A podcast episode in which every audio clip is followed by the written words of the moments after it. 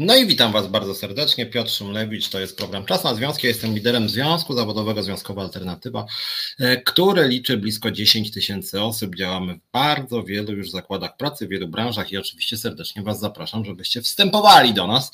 Miałem dzisiaj mówić głównie o mm, Unii Europejskiej, o protestach rolników, o tym, dlaczego warto być w Unii i co Unia nam daje, ale e, kluczowe dla mnie jako lidera związkowego są problemy moich związkowców i związkowczyń, więc na początku chciałem powiedzieć, słów parę odnośnie historii, które dobrze znacie i które są moim zdaniem bardzo reprezentatywne dla polskiego rynku pracy. Mam na myśli e, Elbląg i Kędzierzyn-Koźle. To są spółki e, miejskie zarządzane przez miasto i pod kontrolą miasta bezpośrednio.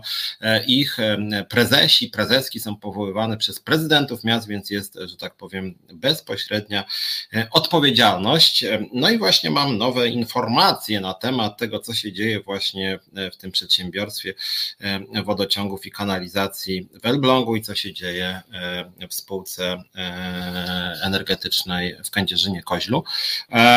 Właśnie tak myślę, od czego by tutaj zacząć. Może zacznę od Elbląga, a później przejdę do mm, Kędzierzyna Koźla, chociaż obydwie te spółki są bardzo, bardzo interesujące i rzeczywiście te patologie, które tam mają miejsce są wręcz zadziwiające.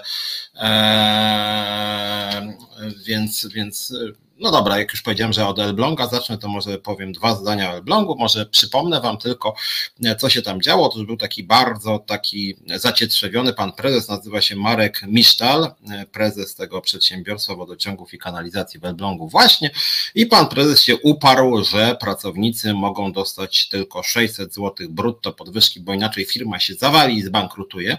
Ten sam prezes w ciągu ostatnich dwóch lat bodaj wziął i wydał sobie 200 milionów na różnego rodzaju inwestycje przy przychodach spółki na poziomie 65 milionów, 200 można było znaleźć, z tego 110 znalazło miasto, 90 milionów mniej więcej znalazła spółka. No i pan prezes zrobił konferencję prasową, podczas której e, właśnie powiedział, że jeżeli spełniłby nasze życzenia, żeby podnieść pensję o 1000 czy 1200 zł, no to by się rozsypałaby się firma, w ogóle nie byłoby płynności finansowej, a przede wszystkim trzeba byłoby radykalnie podnieść ceny wody mm, i w ogóle obsługi kanalizacji, wszystkiego. W ogóle byłaby koniec miasta właściwie. To, co mnie zainteresowało w działalności pana prezesa, to pewnego rodzaju jakby to powiedzieć, brak logiki. E, dlaczego e, mówię o tym, że pan prezes ma kłopoty e, z logiką? Otóż pan prezes w 2022 roku mm, wydał sprawozdanie ze swojej działalności nie żaden zewnętrzny audyt, tylko pan prezes przygotowuje takie rzeczy. I słuchajcie, w tym sprawozdaniu czytamy. Ryzyko związane z utratą wyspecjalizowanej kadry pracowniczej. To jest punkt wskazany przez pana prezesa. Nowoczesna technologia i zaawansowanie procesów technologicznych wymagają zatrudnienia specjalistów z wysokimi kwalifikacjami niezbędnymi w spółce. Istnieje ryzyko okresowych lub trwałych problemów z pozyskiwaniem wykwalifikowanej kadry oraz przechodzeniem pracowników na rentę lub emeryturę. Krótko mówiąc, pan prezes firmy wskazuje, że jest potężne niebezpieczeństwo dla firmy związane z tym, że ludzie odchodzą z pracy ze względu na to, że e, są złe warunki pracy. I tenże pan prezes, który sam wskazuje jako niebezpieczeństwo dla firmy, że odchodzą wykwalifikowani pracownicy, tenże pan prezes e, mówi, że nie, nie ma pieniędzy na podwyżki, bo, bo nie, bo po prostu nie, jak odejdą, to no to cóż, to trudno. Co jest też ważnego w tym stanowisku, przypomnę Wam tylko, bo część z Was pewnie nie pamięta, e, nasi związkowcy w tej spółce wodociągów i kanalizacji zwrócili się do Pana Prezesa z wnioskiem o to, żeby wprowadzić tak zwane stażowe, to znaczy, żeby ludzie o dużym stażu pracy mieli dodatek stażowy w wysokości za 5 lat pracy 5%, za 10 lat 10, za 20 20 i te 20 byłoby maksymalnym dodatkiem stażowym. I warto, jeszcze raz przytoczę to, co Pan Prezes sam napisał, że jest ryzyko z utratą wyspecjalizowanej e, kadry e, pracowniczej e, i on tutaj pisze właśnie o mm, tym, że ludzie przechodzą wcześniej na rentę lub emeryturę i że jest problem z pozyskiwaniem wykwalifikowanej kadry, czyli krótko mówiąc, że odchodzą właśnie pracownicy z dużym stażem, pracownicy doświadczeni.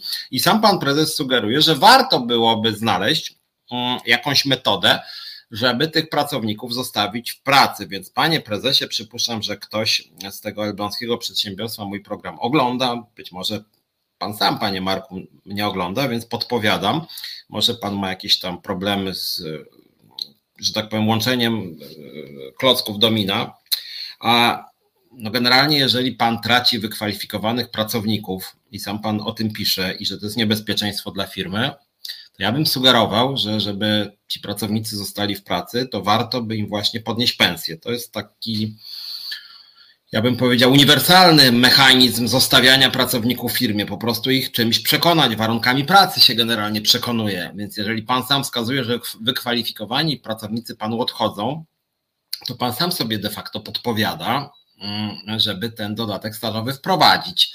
Tak na tak zwany zdrowy rozum, nawet nie chłopski zdrowy rozum, tylko wydaje się to być takie dosyć oczywiste, że jak ludzie od pana odchodzą, bo mało zarabiają i odchodzą głównie doświadczeni pracownicy, no to właśnie warto im jakiś bonus finansowy dać. Bo 600 zł brutto, czyli 400 z groszami na tych część uznaniowa, no to to jest taki dosyć mm, mizerny bonus, biorąc też pod uwagę cały czas trwającą inflację, więc radziłbym naprawdę dać ten dodatek stażowy nie 600 zł, a na przykład 1000. E, jedna rzecz jeszcze zabawna, nie wiem czy ktoś z Was śledzi nas na Twitterze. To nie chodzi o to, że też e, reklamuję Twittera naszego, ale chociaż polecam. E, ale na Twitterze nasze wpisy odnośnie właśnie tego przedsiębiorstwa z Elblągu e, skomentowała ważna osoba z NSZZ Solidarność, tam jeden z dziennikarzy tygodnika Solidarność, który często komentuje nasze wpisy i napisał mniej więcej tyle, że my jątrzymy, słuchajcie, robimy jakieś awantury, a tymczasem Solidarność przecież podpisała dobre porozumienie, 600 zł brutto, z czego część uznaniowa, a tutaj przyszedł nowy związek, czyli my i się zaczął mądrzyć i jątrzyć i że to jest oczywiście skandal, bo przecież wiadomo, że pracownicy powinni mm, takie śmieciowe podwyżki przyjąć, które pan prezes e, sugeruje. Zresztą tu jedna uwaga, tylko przypomnę, że z Solidarności w tym zakładzie pracy odchodzą ludzie właśnie dlatego, że ta Solidarność jest mało bojowa i przyjmuje bardzo marne propozycje ze strony pracodawcy. Więc to tylko tak mówię o tym, dlatego że krótko mówiąc, dotrzymujemy słowa i zaczęliśmy już przeglądać te sprawozdania finansowe. Wystąpiliśmy też e, wczoraj bodaj do, e, e, do tego przedsiębiorstwa z zapytaniami, na co wydawano pieniądze poza pensjami, poza inwestycjami na rozwój firmy, czy wydawano na jakieś zewnętrzne cele, czy na przykład klub sportowy był finansowany, bo pan prezes sam się tym pochwalił. Jakie to były kwoty?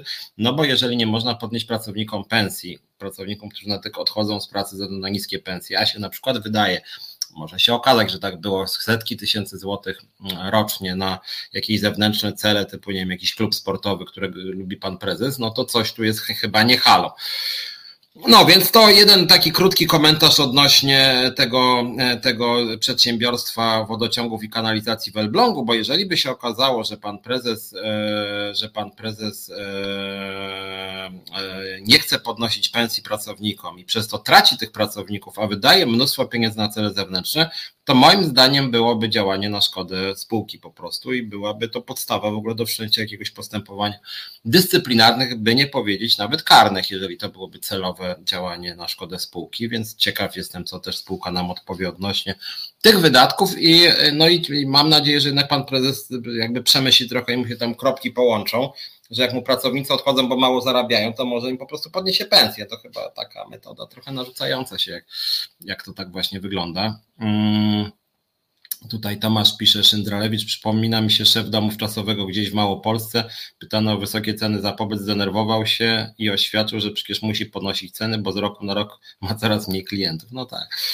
No właśnie, więc czasem oni tak nie łączą kropek, e, że tak powiem, ci różnego rodzaju mm, pracodawcy e, i różnego rodzaju właściciele różnych biznesów, więc naprawdę podkreślam jeszcze raz do pana Marka Misztala, może pan Marek ma trochę ociężały umysł, przepraszam za sformułowanie, i nie widzi związku między niskimi pensjami a odchodzeniem ludzi z pracy. No więc podpowiadam, ludzie często odchodzą właśnie dlatego, że mają marne warunki pracy, więc jak pan je poprawi, to przypuszczam, że zostaną ci, którzy pracują i jeszcze się zgłoszą nowi. Tak to generalnie działa. No, konkurencyjność to też między innymi proponowanie e, konkurencyjnych stawek, konkurencyjnych pensji. E, a tymczasem, jeżeli tam pensja jest nie, nie, nieznacznie przekraczająca płacę minimalną, no to przestaje być ta firma konkurencyjna wobec Biedronki czy Lidla, które wymagają niższych kwalifikacji, więc no nie jest to jakaś nadzwyczajna oferta, jeżeli pan prezes oferuje stawki na przykład na poziomie no nie wiem, 4 tysięcy na rękę mniej więcej, czyli radykalnie poniżej płacy minimalnej, e, poniżej płacy średniej, no to jest naprawdę płaca, praca ciężka i często wymagająca na wielu stanowiskach wysokich kwalifikacji. Mm, Janusz Agapita tam bonus kule do nogi i nie uciekną e, raby E, niewdzięczne. No tak. E, dobra, słuchajcie, druga sprawa, o której chciałem też powiedzieć, zanim przejdę do tej e, Unii Europejskiej, to jest sytuacja w Zakładzie Energetyki Cieplnej w Kędzierzynie Koźlu i słuchajcie, to jest sprawa, która mnie zaczyna sytuacja jest z jednej strony smutna, z drugiej strony zaczyna być trochę zabawna na podejście duetu, który rządzi firmą, czyli pani Gondek, Rypel i pani Nowosielskiej. To jest jakiś bardzo egzotyczny duet pań, dwóch koleżanek, które mm, coś im się generalnie pomieszało i no, pogubiły się biedaczyska pani Sabina Nowosielska. Patrzę, żebym nie zrobił błędu, bo nie lubię jak się myli imiona i nazwiska, one mi się czasem mylą i czasem myślałem, że jedna jest Sabina, a druga Jolanta, inaczej niż w rzeczywistości, więc czytam. Sabina Nowosielska, prezydent Kędzierzyna Koźla, pani, która też podjęła decyzję o ponownym starcie na stanowisko prezydenta i pani Jolanta Gondek-Rypel, to jest prezes te, tego Miejskiego Zakładu Energetyki Cieplnej w Kędzierzynie Koźlu i panie zrobiły rzecz straszną, rzecz wstrętną, rzecz odrażającą, Mianowicie e, zwolniły naszego zakładowego lidera, e, wiceprzewodniczącego Związku Rafała Ślusarczyka. Dlaczego mówię panie? E, bo generalnie zwolniła oczywiście, jak chodzi o kwestie formalne, pani Gondek Rypel, bo ona jest tutaj szefową, że tak powiem, jest pracodawcą, jest prezes zakładu pracy, czy prezeska, to już jak to pani woli. Natomiast jest też tak, że pani Sabina Nowosielska sprawuje bezpośredni nadzór nad przedsiębiorstwem, w związku z tym, jeżeli ktoś miałby wątpliwości, wątpliwości. Pani Nowosielska o wszystkim wie, o wszystkim była informowana, pisaliśmy do niej co więcej. Ja do niej nawet dzwoniłem i rozmawiałem z nią ze 40 minut. Z tego co wiem, pani Nowosielska rozpowszechnia różne średnio prawdziwe informacje, że ja niby mówiłem coś, że ja ją jakoś tam, nie wiem, zmasakruję, czy zniszczę, czy jakąś krzywdę jej zrobię. Otóż ja nie łamię przepisów prawa, nigdy nie mówię, że kogoś tam zmasakruję, czy zniszczę. Natomiast mówiłem pani e, Sabinie e, pani Sabinie, dobrze mówię, nie Jolancie, pani Sabinie Nowosielskiej, e, że e, jako związek zawodowy będziemy używać wszystkich zgodnym e, z prawem mm, instrumentów, żeby po prostu pan Rafał Ślusarczyk wrócił do pracy, został zwolniony w sposób bezprawny w wyniku nagonki pani Gondek Rypel, jej bezprawnych działań mm, i Mówiłem też pani Nowosielskiej, która została o tym poinformowana dosyć obszernie, że ona o tym wie, więc ponosi za to polityczną, bezpośrednią odpowiedzialność, że wystarczyłby jej jeden telefon, żeby ta decyzja została cofnięta i że wykorzystamy naszą siłę prawną, wizerunkową, medialną, żeby, żeby nagłosić ten temat i żeby sprawić, by Rafał y, Ślusarczyk do pracy wrócił. W związku z tym y, mogę to tylko powtórzyć. Zrobimy wszystko, żeby Rafał wrócił do pracy.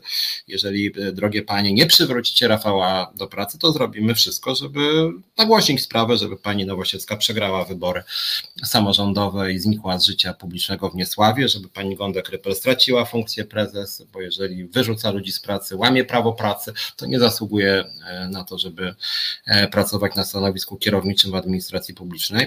Mm, Argumenty na rzecz zwolnienia pana e, Ślusarczyka są coraz bardziej groteskowe. Ja już wam mówiłem tydzień temu, e, jak to obrzydliwe były praktyki właśnie w tym zakładzie, za przyzwoleniem pani Gonde Krypel, że na tablicy ogłoszeniowej był paszkwil przeciwko Ślusarczykowi, który jest de facto e, czymś, co obciąża panią Gondę Krypel, dlatego że za mobbing zawsze odpowiada pracodawca. Jeżeli rzeczywiście był obrzydliwy, czytałem go wam mm, tydzień temu, dokument widniał był po prostu obecny na tablicy ogłoszeniowej za zgodą, za przyzwoleniem pani Gondek Rypel, to pani Gondek Rypel za to odpowiada po prostu i niestety no, ta odpowiedzialność już nią zostanie. E, ma szansę jeszcze, żeby jakoś zadośćuczynić swoim wstrętnym działaniom, więc niech przywróci Rafała Ślusarczyka do pracy. E, mówię, że te zarzuty są coraz bardziej absurdalne, bo z tego co słyszę, to, mm, to główny zarzut pani Gondek Rypel wobec e, Rafała Ślusarczyka jest taki, że jemu źle z oczu patrzy że jak ludzie go widzą, to tak jakby wilkołaka widzieli.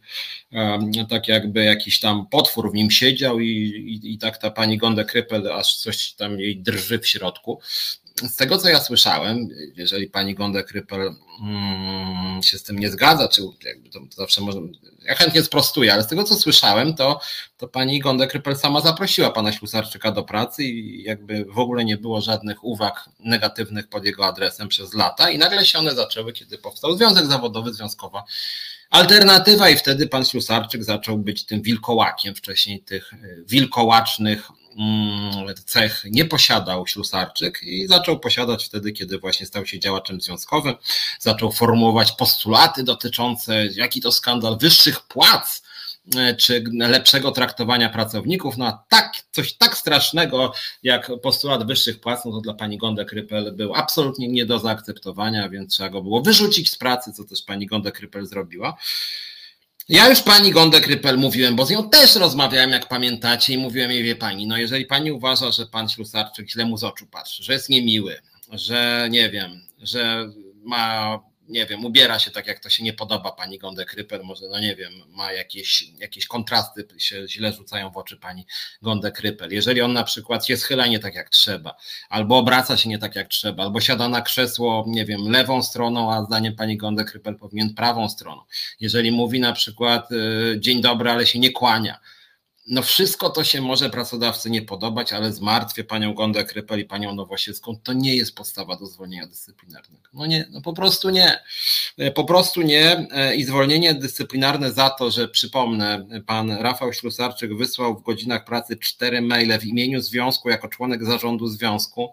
Nie, to nie jest naruszenie obowiązków służbowych tym bardziej to nie jest ciężkie naruszenie obowiązków służbowych, to jest kpina i plucie w twarz de facto wszystkim pracownikom. To jest plucie w twarz prawu pracy, ustawie o związkach zawodowych, to są po prostu kpiny.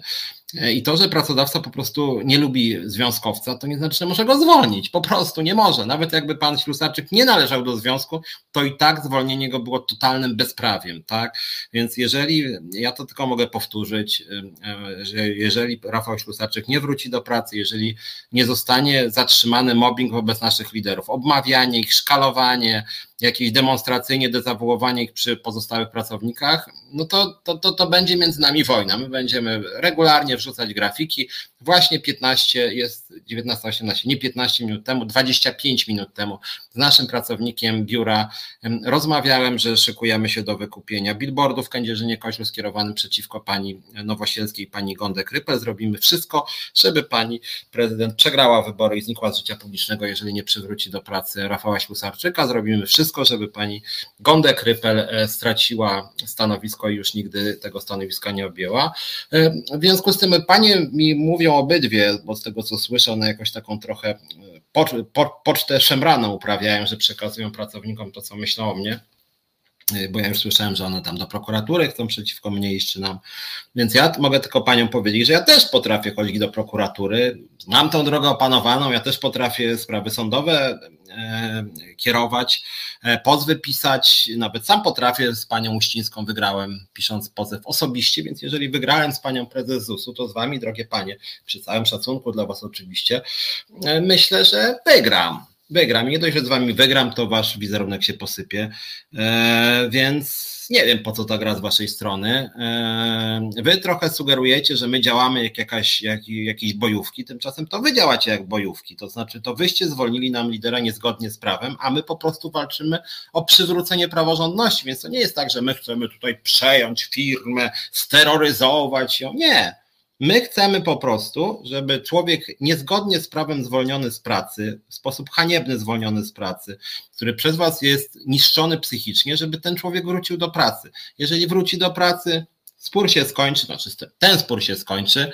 E, liczę też, że zaprzestaniecie nagonki na nasz związek i jeżeli zaprzestaniecie nagonki, przywrócicie Rafała do pracy, e, wrócicie do cywilizowanego dialogu społecznego, to proszę bardzo, my możemy skasować wszystkie nasze grafiki, możemy sobie nawet fotkę strzelić z panią Nowosielską czy z panią Gondek Rypel i powiedzieć, że udało się wspólnie wynegocjować mm, rozwiązania satysfakcjonujące dla stron. I tyle, tak? Natomiast z tego, co ja słyszę, to w ogóle panie się wygłupiają, jakieś robią zloty dla pracowników, gdzie opowiadają jakieś dziwactwa o tym, że, że, że, że, że, że, że my je terroryzujemy, tam, że, że ja coś groziłem komuś. Ja jestem dziennikarzem, więc rozmowy, które były z moim udziałem, przypuszczam, że część z nich dałoby się odtworzyć, więc jak ktoś mówi na mój temat, że ja coś tam brzydkiego sugerowałem, to też mogę pozwać i mogę taką rozmowę otworzyć być może, więc radziłbym uważać z tymi groźbami wobec mnie też, bo jakby my rzadko pozywamy, ale jak ktoś nas gryzie, to my wtedy czasem odpowiadamy, więc bardzo tego nie lubimy. E, więc konkludując i zamykając ten temat, bo słyszałem, obiło mi się o uszy, e, że było spotkanie pracowników nawet e, z Jasi jej eminencją, jej świątobliwością, panią Sabiną Nowosielską, że nie tylko pracodawca spotkał się z częścią pracowników, ale nawet pani prezydent się nagle przypomniała sobie, że pracownicy istnieją i próbowała próbowała zdezawuować po raz kolejny nasz związek i jej nie wyszło, bo się okazało, że nie wszyscy pracownicy uważają, że my jesteśmy tacy źli, a nawet się okazało, że być może dla części pracowników to pani Gonda Krypel jest większym problemem. Mam takie sygnały ludzie z Solidarności na przykład też może już mają trochę tego dosyć, co się dzieje w zakładzie pracy, nie tylko my, więc zaskoczenie, bo, bo jakoś się układ zaczyna sypać, zbliżają się wybory i zaczyna być stresująco. E, więc podsumowując ten wątek Kędzierzyna Koźla, powiem tylko tyle, że naprawdę sugerowałbym, tym bardziej, że według mojej wiedzy obydwie panie są związane z Platformą Obywatelską, z panem Donaldem Tuskiem, z którym pani Sabina Nowosielska robiła sobie nawet wspólne zdjęcie przed wyborami z miesiąc wcześniej, pewnie teraz też by chciała sobie zrobić. Państwo dużo mówiliście o praworządności. Praworządność to jest też prawo pracy, więc y, y, zwalnianie człowieka z pracy za to, zwalnianie związkowca za to, że pisał związkowe maile, wysłał, nawet nie pisał, a wysłał związkowe maile w godzinach pracy, to jest bezprawie. To są zachowania godne lat, y, końca lat 70., początku lat 80., to jest nagonka zamordystycznej władzy na niezależne związki zawodowe. To jest hańba po prostu. Jeżeli się będziemy teraz pisać niedługo i do pana Donalda Tuska i do pani Dziemianowicz Bąk liczymy na szybką interwencję w tej sprawie. Mam nadzieję, że, e, że jeżeli e, sytuacja się nie zmieni, to również Platforma Obywatelska odetnie się od pani Sabiny Nowosielskiej po prostu przegra wybory. No więc to, to tylko w tej sprawie chciałem chciałem mm, powiedzieć, że wiem, co się dzieje w firmie i przy okazji oczywiście publicznie trochę chciałem zasygnalizować pani e, Nowosielskiej, pani Gondek Rypel, że póki pan Ślusarczyk nie wróci do pracy, będziemy regularnie właściwie co dwa, trzy dni mówić o tej sprawie, nagłaśniać, reklamować. Myślimy też właśnie o wykupieniu billboardu, o czym mówiłem w Kędzierzynie Koźlu przeciwko paniom, więc, więc, więc e, po prostu nie zgodzimy się na to, żebyście niszczyli nam ludzi psychicznie, żeby nasi ludzie cierpieli przez was, bo to jest po prostu obrzydliwe, tak? I my nie będziemy godzić się na zło. Ja mówiłem pani Nowosielskiej to wprost, ja mówiłem pani Gondek Rypel wprost, więc my nie zapomnimy o tej sprawie, no, że to jest w ogóle nienegocjowalne. Ma Rafał wrócić do pracy, koniec, kropka. Więc to, e, to tyle. Zgadzam się z Tomaszem, który mówi o tym, że to są nie, nie lepsze standardy niż pisowskich baronów. I może to pogrążyć szanse wyborcze. Jeżeli nie zmienią się, to liczę, że też te szanse wyborcze zostaną pogrążone. No, więc to chciałem tylko powiedzieć o tych dwóch ważnych sprawach. E, my rzeczywiście działamy w różnych w zakładach pracy. Dzisiaj też e, na świeżo e, bałem się, że się spóźnię na dzisiejszy program, ponieważ rozmawiałem e, z pracownikiem szkoły, z pracownikiem administracyjnym, z pracownikiem, który też nam mówił z Warszawy o tym, że niestety dla nich nie przewidziano żadnych podwyżek, że są podwyżki dla nauczycieli te 30%, natomiast dla pracowników administracyjnych tych środków nie ma. Więc ja może na początek taki apel też, bo może ci włodarze lokalni, nie tylko pani Nowosielska, ale też inni nas oglądają, czy kandydaci i kandydatki na samorządowców. Słuchajcie, no wybory samorządowe się zbliżają, weźcie wy się obudźcie trochę, bo wy nic totalnie nie robicie i mam na myśli wszystkich od y, PiS, od PiSu przez Konfederację, Platformę, PSL, Lewicę razem, wy wszyscy nic nie robicie w tej sprawie. Y, widzę, że na przykład ja jestem z Warszawy, widzę, że tutaj się przygotowuje do kampanii, już właściwie przygotowuje. Ruszyła kampania pana Trzaskowskiego, pani Biejat, pana Wiplera, y, i oni w ogóle nic nie mówią o samorządach. To znaczy, to jest przedłużenie kampanii parlamentarnej po prostu. Nic nowego tam nie ma. Oni po prostu powtarzają dokładnie to, co mówili w wyborach parlamentarnych. Tutaj Michael Carrick pisze, że w Otwocku prezydent doprowadził do wycieku danych mieszkańców. Znaczy też chciałem Wam powiedzieć, że jeżeli E, że jeżeli e, macie sygnały o łamaniu prawa pracy, też Anna powyżej Kurczuk pisze e, łamaniu zapisów Konstytucji prawa pracy, to, to też informujcie nas o tym, Związkową Alternatywę. Wiecie jak mnie znaleźć, to nie jest bardzo trudne, możecie do mnie na Facebooku pisać, możecie napisać na adres związku mailowy biuro małpa za.org.pl albo do mnie szumlewicz małpa za.org.pl, więc zachęcam Was też, będziemy z tego typu patologiami walczyć, jakie wskażecie i wstąpicie do związku. No taka jest nasza rola i liczę na to, że sprawa Rafała Ślusarczyka pozytywnie się, że tak powiem, zamknie i również we wspominanym przeze mnie przedsiębiorstwie wodociągów i kanalizacji w Elblągu również prezes przestanie się wygłupiać, przestanie się ośmieszać i, i zrobi coś, żeby zostawić tych doświadczonych pracowników w firmie, bo na razie to słabiutko wygląda. No, a teraz przechodząc do spraw krajowych, e, chciałem trochę powiedzieć o Unii Europejskiej, o protestach rolników, ale może zanim o tym powiem, to tylko żeby nie było tak, że ja tylko wszystkich krytykuję, więc jeden taki plus, e, że tak powiem, e, odnośnie ustawy, która chyba gdzieś tam jest w Sejmie, w każdym razie, która zaczyna być dyskutowana. Otóż jest pomysł ze strony rządzącej koalicji, tutaj najbardziej chyba lewica to popiera, mianowicie skrócenie tygodnia pracy. I muszę Wam powiedzieć, że jak chodzi o to, to ja jestem rzeczywiście zwolennikiem skrócenia tygodnia pracy. Bodaj już cztery chyba lata temu w Sejmie był projekt autorstwa Partii Razem. Partii Razem, który jestem straszliwie rozczarowany. Uważam, że to jest jedna z największych rozczarowań w w ciągu ostatnich lat jak polskiej polityki. Ale jak chodzi o ten tydzień pracy, skrócenie, to uważam, że oni wnieśli ustawę zupełnie niezłą. Obecnie to jest chyba ustawa właśnie całej lewicy, bo też Robert Biedroń coś tam o tym wspominał.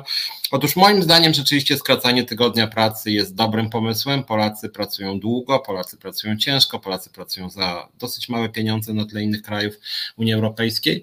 I rzeczywiście uważam, że taki pomysł, projekt, który wszedł do Sejmu już bodaj 4 właśnie lata temu, gdzie stopniowo skracano ten kodeksowy wymiar czasu pracy z 40 na 30, e, bodaj tam było 8, później 6 i docelowo 5 w przeciągu 5 lat. To jest pomysł odpowiedzialny, to jest pomysł przeliczony nieźle na oko.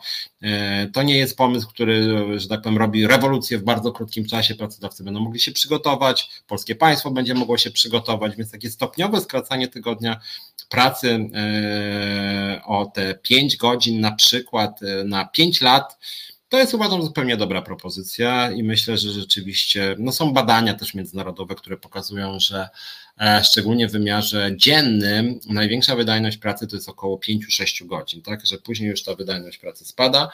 W związku z tym skracanie czasu pracy jest też, e, jest też e, czymś, e, mm, można powiedzieć, przydatnym dla, dla, dla firm, dla tej drugiej strony, tak? Nie dla pracy, tylko dla kapitału, tak? Bo po prostu ludzie, którzy krócej pracują, pracują bardziej wydajnie, są mniej zestresowani, rzadziej chorują, są bardziej skupieni, e, co jest bardzo ważne w wielu zawodach, e, więc myślę, że e, skrócenie czasu pracy, które my też jako związek od wielu miesięcy głosimy, bronimy, to jest część naszego programu, to jest rzeczywiście dobra droga. I to jest droga do tego, żeby realnie, być może nawet, no może nie skrócić, wydłużyć czas pracy, bo to, oczywiście tak nie działa, ale chodzi mi o to, że realnie, jeżeli ludzie by zaczęli mniej chorować, byłoby mniej stresu, to myślę, że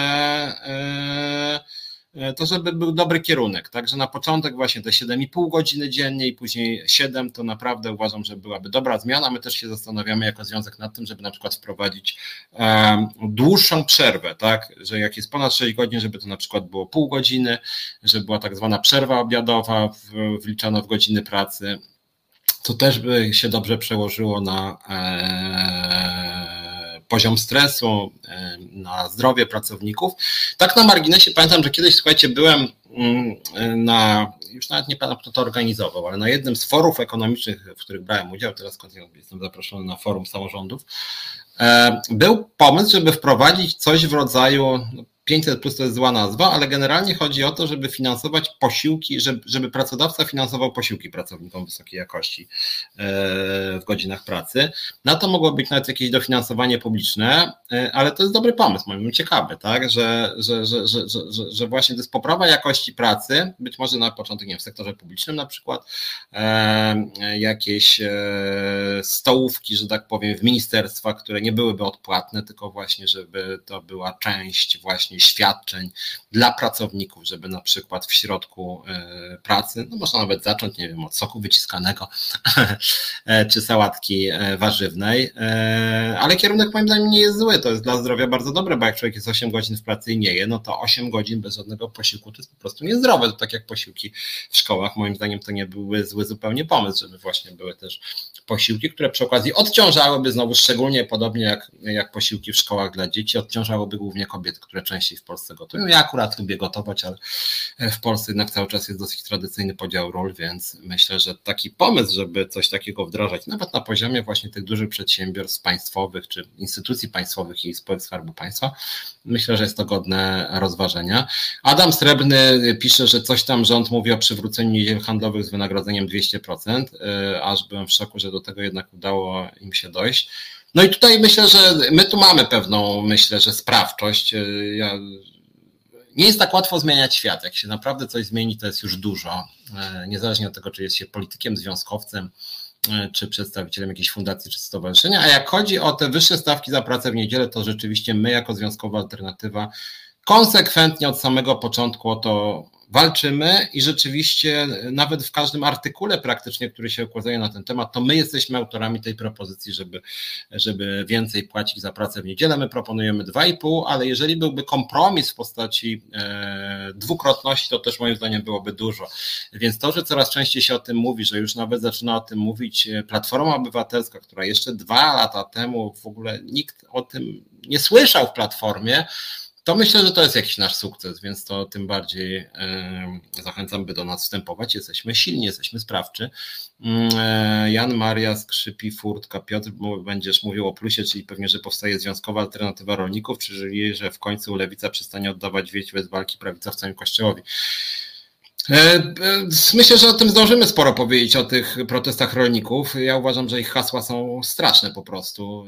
Nie da się ich popierać. To znaczy, to jest dwa hasła, czyli nie dla Unii Europejskiej, nie dla Ukrainy, więc trudno, żeby postępowy związek zawodowy chciał e, porażki Ukrainy w wojnie z Rosją i żeby postępowy związek zawodowy był przeciwko Unii Europejskiej, która jest chyba jedną z najlepszych rzeczy, która spotkała Polskę w jej historii. O tym zresztą będę mówił. Obecnie te protesty rolników, jak chodzi o hasła, ja nie mówię tylko o interesach, bo wiadomo, ludzie walczą o swoje, żeby po prostu godniej żyć i się nie dziwię rolnikom.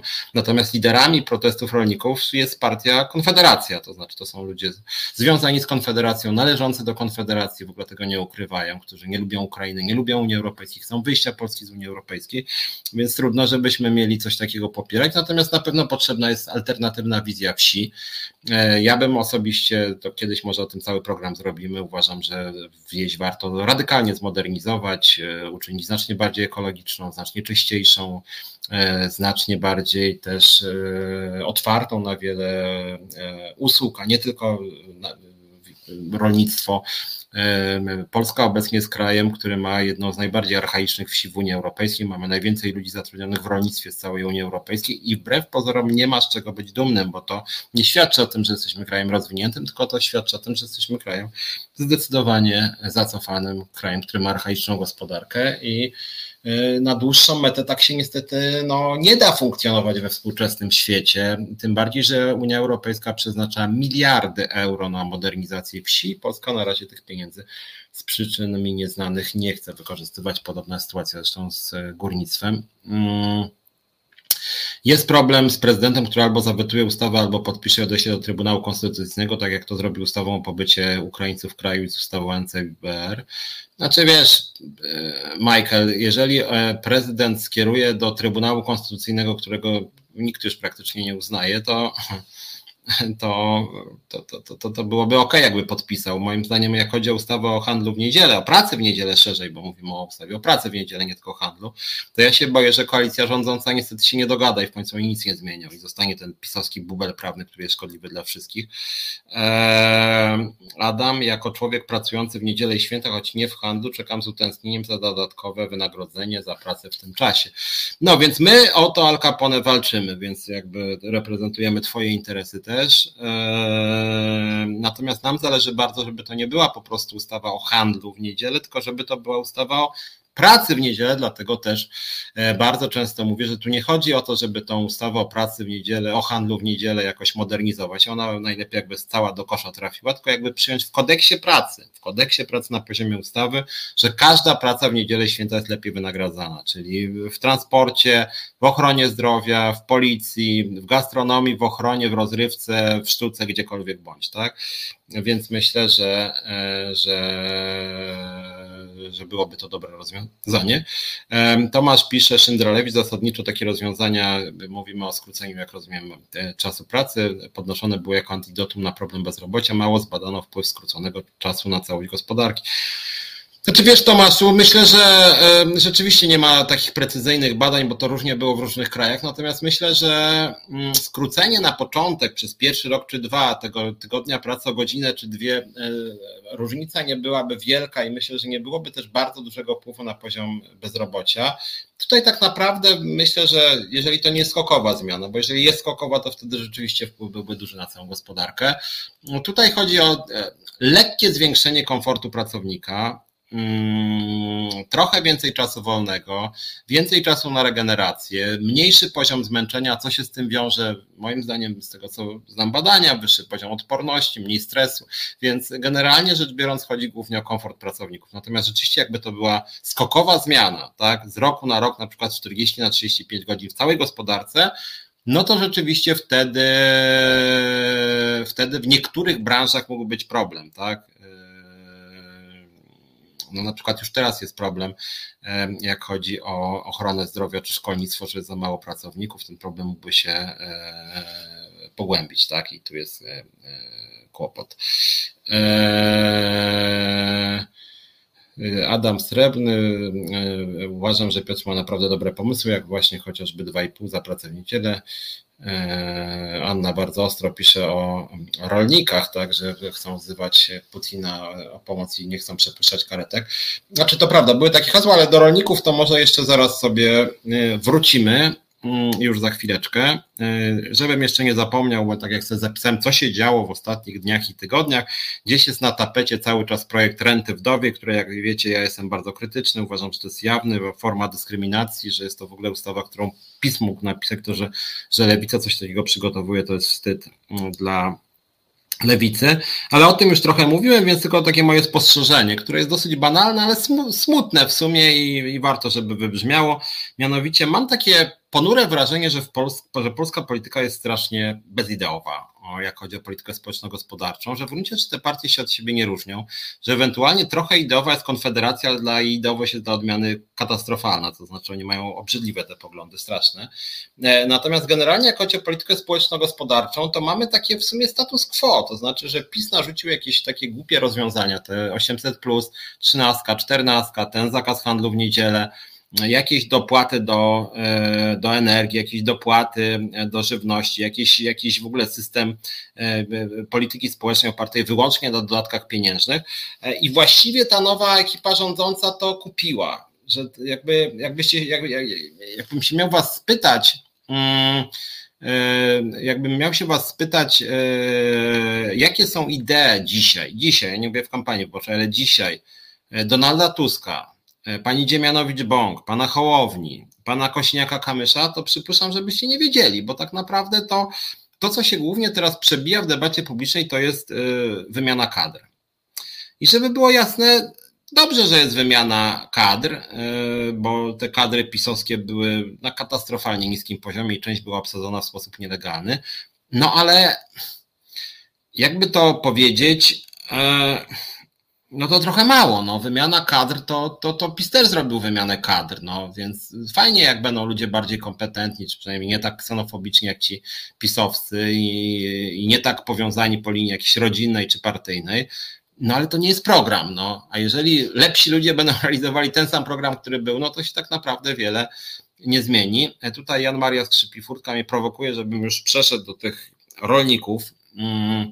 E, że pustka ze strony lewicy i liberałów i że tutaj, e, że tutaj e, prawica to wykorzystuje. Znaczy, ja powiem tak, zaczynając ten temat rolniczy, bo ja chciałem w ogóle dzisiaj trochę więcej powiedzieć o Unii Europejskiej i uczynić rolników częścią tego tematu Unii Europejskiej. Moim zdaniem jest jakby odwrotnie niż mówisz, jak chodzi o wieś. Mm, mam wrażenie, że PiS narzucił bardzo konserwatywną, tradycyjną, dość kołtuńską wizję wsi, że wieś to jest właśnie rodzina, taka bardzo konserwatywna, tradycja, Bóg, honor, ojczyzna, kościółek, taki, taki sojusz y, na całą wieczność pana wójta i plebana, e, te tradycyjne relacje, y, y, jasno zdefiniowany podział ról płciowych, tak, kobiety są od zajmowania się dziećmi, gotowaniem posiłków i byciem dobrymi żonami, a mężczyźni właśnie tam robią na tym polu i pracują dla całej rodziny i później ich dzieci się tak przyglądają dziedziczą i tam, prawda, ten się zajmował krowami, to i syn się będzie zajmował krowami, wnuk się będzie zajmował krowami i tak na całą wieczność będą się zajmowali tymi krowami na tym samym polu, tak samo archaicznym e, i ta ciężka praca właśnie na polu i to będzie w całą nieskończoność do roku 2970, jak Ziemia będzie istnieć, to do, e, e, do roku 143 252. No moim zdaniem nie znaczy, jest to głupie, niesłuszne, ideologiczne i ludzie na wsi już nie mają takiej świadomości w większości. E, w Polsce jest na tle Unii Europejskiej dużo rolników, ale oni na wsi są zdecydowaną mniejszością. Polska wieś jest cały czas, jak mówiłem, dość archaiczna, ale polska wieś to nie jest tylko rolnictwo. I dlaczego teraz wszystkie partie mają się licytować na to, kto jest bardziej prorolniczy i kto postrzega wieś przez pryzmat przez pryzmat e, e, niewielkiej grupy, która jest antyukraińska i antyunijna. Moim zdaniem, moim zdaniem rzeczywiście jest tak, że coraz więcej mieszkańcy wsi mają aspiracje, tak jak na zachodzie.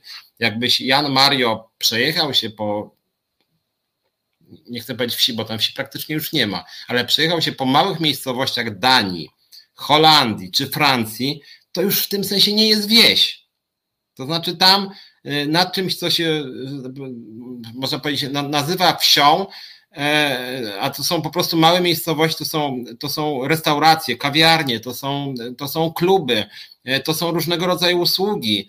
E, I, i, i, I moim zdaniem to ciągłe reprodukowanie tej tradycyjnej wizji wsi jest zgubne dla, dla, dla obecnego rządu, bo, bo no bo PiS tutaj będzie bardziej autentyczny, bo PiS broni tego kołtuństwa e, tradycyjnego, które moim zdaniem ludzie już chcą czego innego i właśnie wydaje mi się, że wieś czeka na partię, która, która e, nakreśli e, alternatywę, która będzie chciała radykalnej modernizacji wsi, żeby ta wieś była właśnie ekologiczna, żeby ta wieś była czysta, żeby ta wieś była rozwinięta, żeby nie było, żeby nie trzeba było skazanym na pracę w rolnictwie na wsi. Dlaczego młodzi ludzie dzisiaj mają w rolnictwie pracować? Cóż to jest jakiś obowiązek, że jak pracował mój dziadek, to ja też mam pracować i mój syn, i mój wnuczek.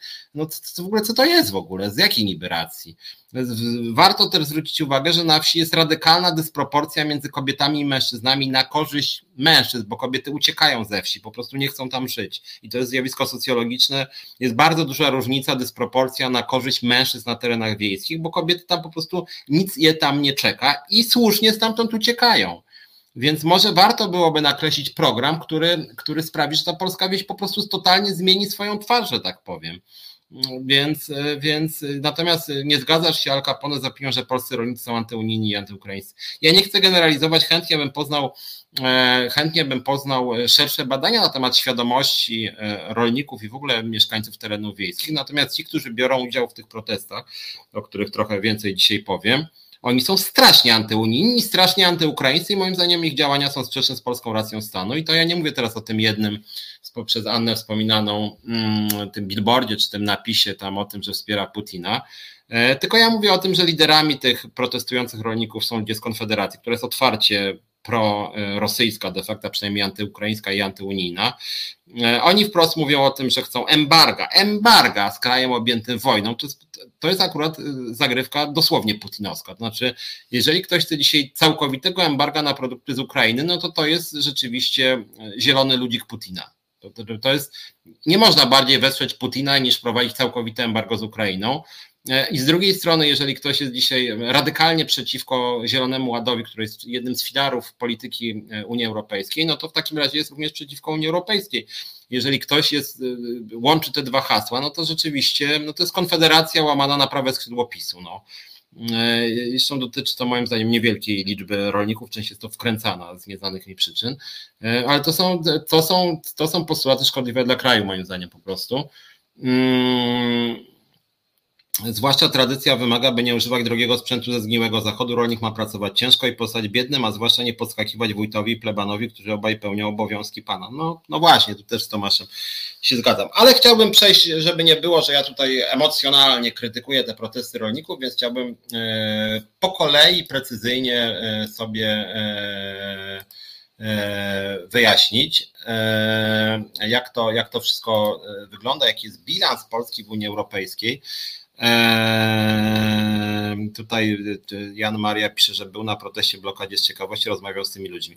Okej, okay, ja, ja nie rozmawiałem akurat z nimi, ale jeżeli rozmawiałeś, no to cóż, no to może powiedz tym ludziom, żeby pogonili tych swoich liderów, którzy są, z tego co czytałem, dwóch na trzech to są po prostu konfederaci.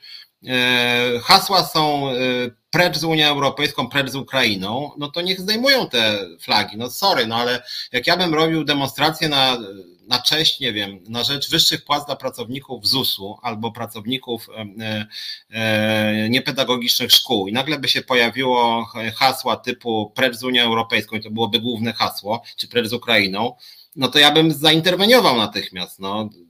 Więc e, no więc sorry, no. To, to, to, to, to, to, to spytaj ich na drugi raz, dlaczego tolerują te hasła skrajnie antyunijne, antyukraińskie. Nawet jeśli wprowadzono by całkowite embargo na ukraińskie produkty, to czy 5% spadek eksportu zabije Ukrainę? No, Al Capone to jest argumentacja pod tytułem, mm, no dobra, to, to, to, to, może dołączymy do Putina i, i zaatakujemy Lwów, ale przecież Lwów to jest jaka to część Ukrainy, bardzo niewielka. To co to zaszkodzi Ukrainie, jak zaatakujemy Lwów? No, to jest demagogia. No, jeżeli, je, jeżeli Polska chce zablokować część ukraińskiego importu, zaszkodzić ukraińskiej gospodarce, no to akurat 5% spadku łącznego eksportu to jest dużo akurat sobie wyobraź, 5% jakby w Polsce spadł eksport 5% w ciągu roku, to, to, to jest zapaść akurat.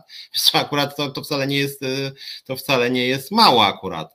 E, zresztą warto wspomnieć, że Polska obecnie przynajmniej PiS walczy o to, żeby i część tych rolników, żeby totalne embargo wprowadzić całej Unii Europejskiej. Polska lobbuje obecnie przynajmniej część tych protestujących na rzecz tego rozwiązania, czyli żeby totalnie skasować e, e, właśnie eksport Ukrainy do całej Unii Europejskiej, a to byłoby już dużo większe rzeczywiście niż 5%.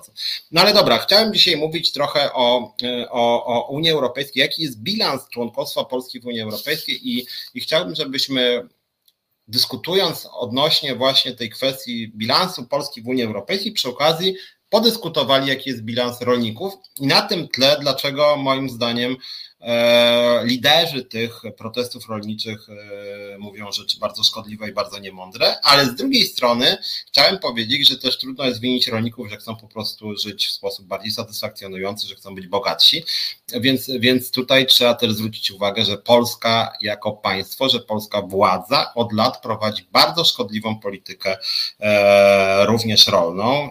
I niestety, no można powiedzieć, że rzeczywiście polskie państwo władowało rolnictwo na kilka min, więc tutaj jest można powiedzieć deal między tymi liderami rolniczymi i, i, i, i rządzącymi, szczególnie tymi rządzącymi przez ostatnie 8 lat, czyli PiSem, którzy robili dużo, żeby zaszkodzić Polsce, żeby Polski nie modernizować, żeby wieś zostawić w tej strukturze archaicznej, żeby nie wdrażać żadnych ekologicznych rozwiązań, a warto pamiętać, że to są też działania, które są szkodliwe dla nas wszystkich jako mieszkańców Polski, bo w naszym interesie moim zdaniem jest to, żeby polskie powietrze było czyściejsze, żeby było mniej smogu, żeby było mniej emisji CO2, żebyśmy zdrowsze produkty jedli, żeby żywność była w ogóle bardziej ekologiczna. No a niestety, e, niestety, e, e, niestety tak się nie dzieje. Odpowiadając Al Capone, Al Capone, chciałem Ci jedną rzecz tylko powiedzieć Wam wszystkim, jak chodzi w ogóle o ten spór. Chciałem tylko przypomnieć, że zamknięcie granic, jak chodzi o wymianę handlową między Polską i Ukrainą, potężnie uderzy w Polskę. Potężnie uderzy w Polskę. Uderzy w Ukrainę oczywiście też, ale w nas bardziej uderzy, ponieważ mamy nadwyżki handlowe z Ukrainą, mamy nadwyżki. I teraz cały problem polega na tym, że ci, którzy eksportują do Ukrainy, są znacznie gorzej zorganizowani niż ci, którzy e, niż ci, którzy boją się tego importu z Ukrainy. Natomiast generalnie rzecz biorąc, jako gospodarka bardziej stracimy bardziej stracimy na e, embargo nawet niż Ukraina. My strasznie stracimy, zwiększy się w Polsce bezrobocie e, e, i, i rzeczywiście dojdzie do bankructw wielu firm. W związku z tym to jest totalnie głupie i szkodliwe również dla gospodarki pod tym względem. W związku z tym mówienie o tym, że, że, że, że, że 5% eksportu Ukrainy, a nastąpi likwidacja polskiego rolnictwa, przepraszam cię bardzo, Al Capone są totalne bzdury. Jaka likwidacja polskiego rolnictwa? Czy ty uważasz, Al Capone, że polska gospodarka, polskie rolnictwo w całości jest uzależnione od Ukrainy i teraz to, że oni y, będą do nas importować towary, to upadnie całe polskie rolnictwo? Całe? No, przepraszam cię bardzo za moją reakcję, ale to jest po prostu całkowicie bzdurne. Problem poza tym, jak chodzi o to, jak chodzi już o ten wątek, żebym przed przerwą jeszcze to wyjaśnił.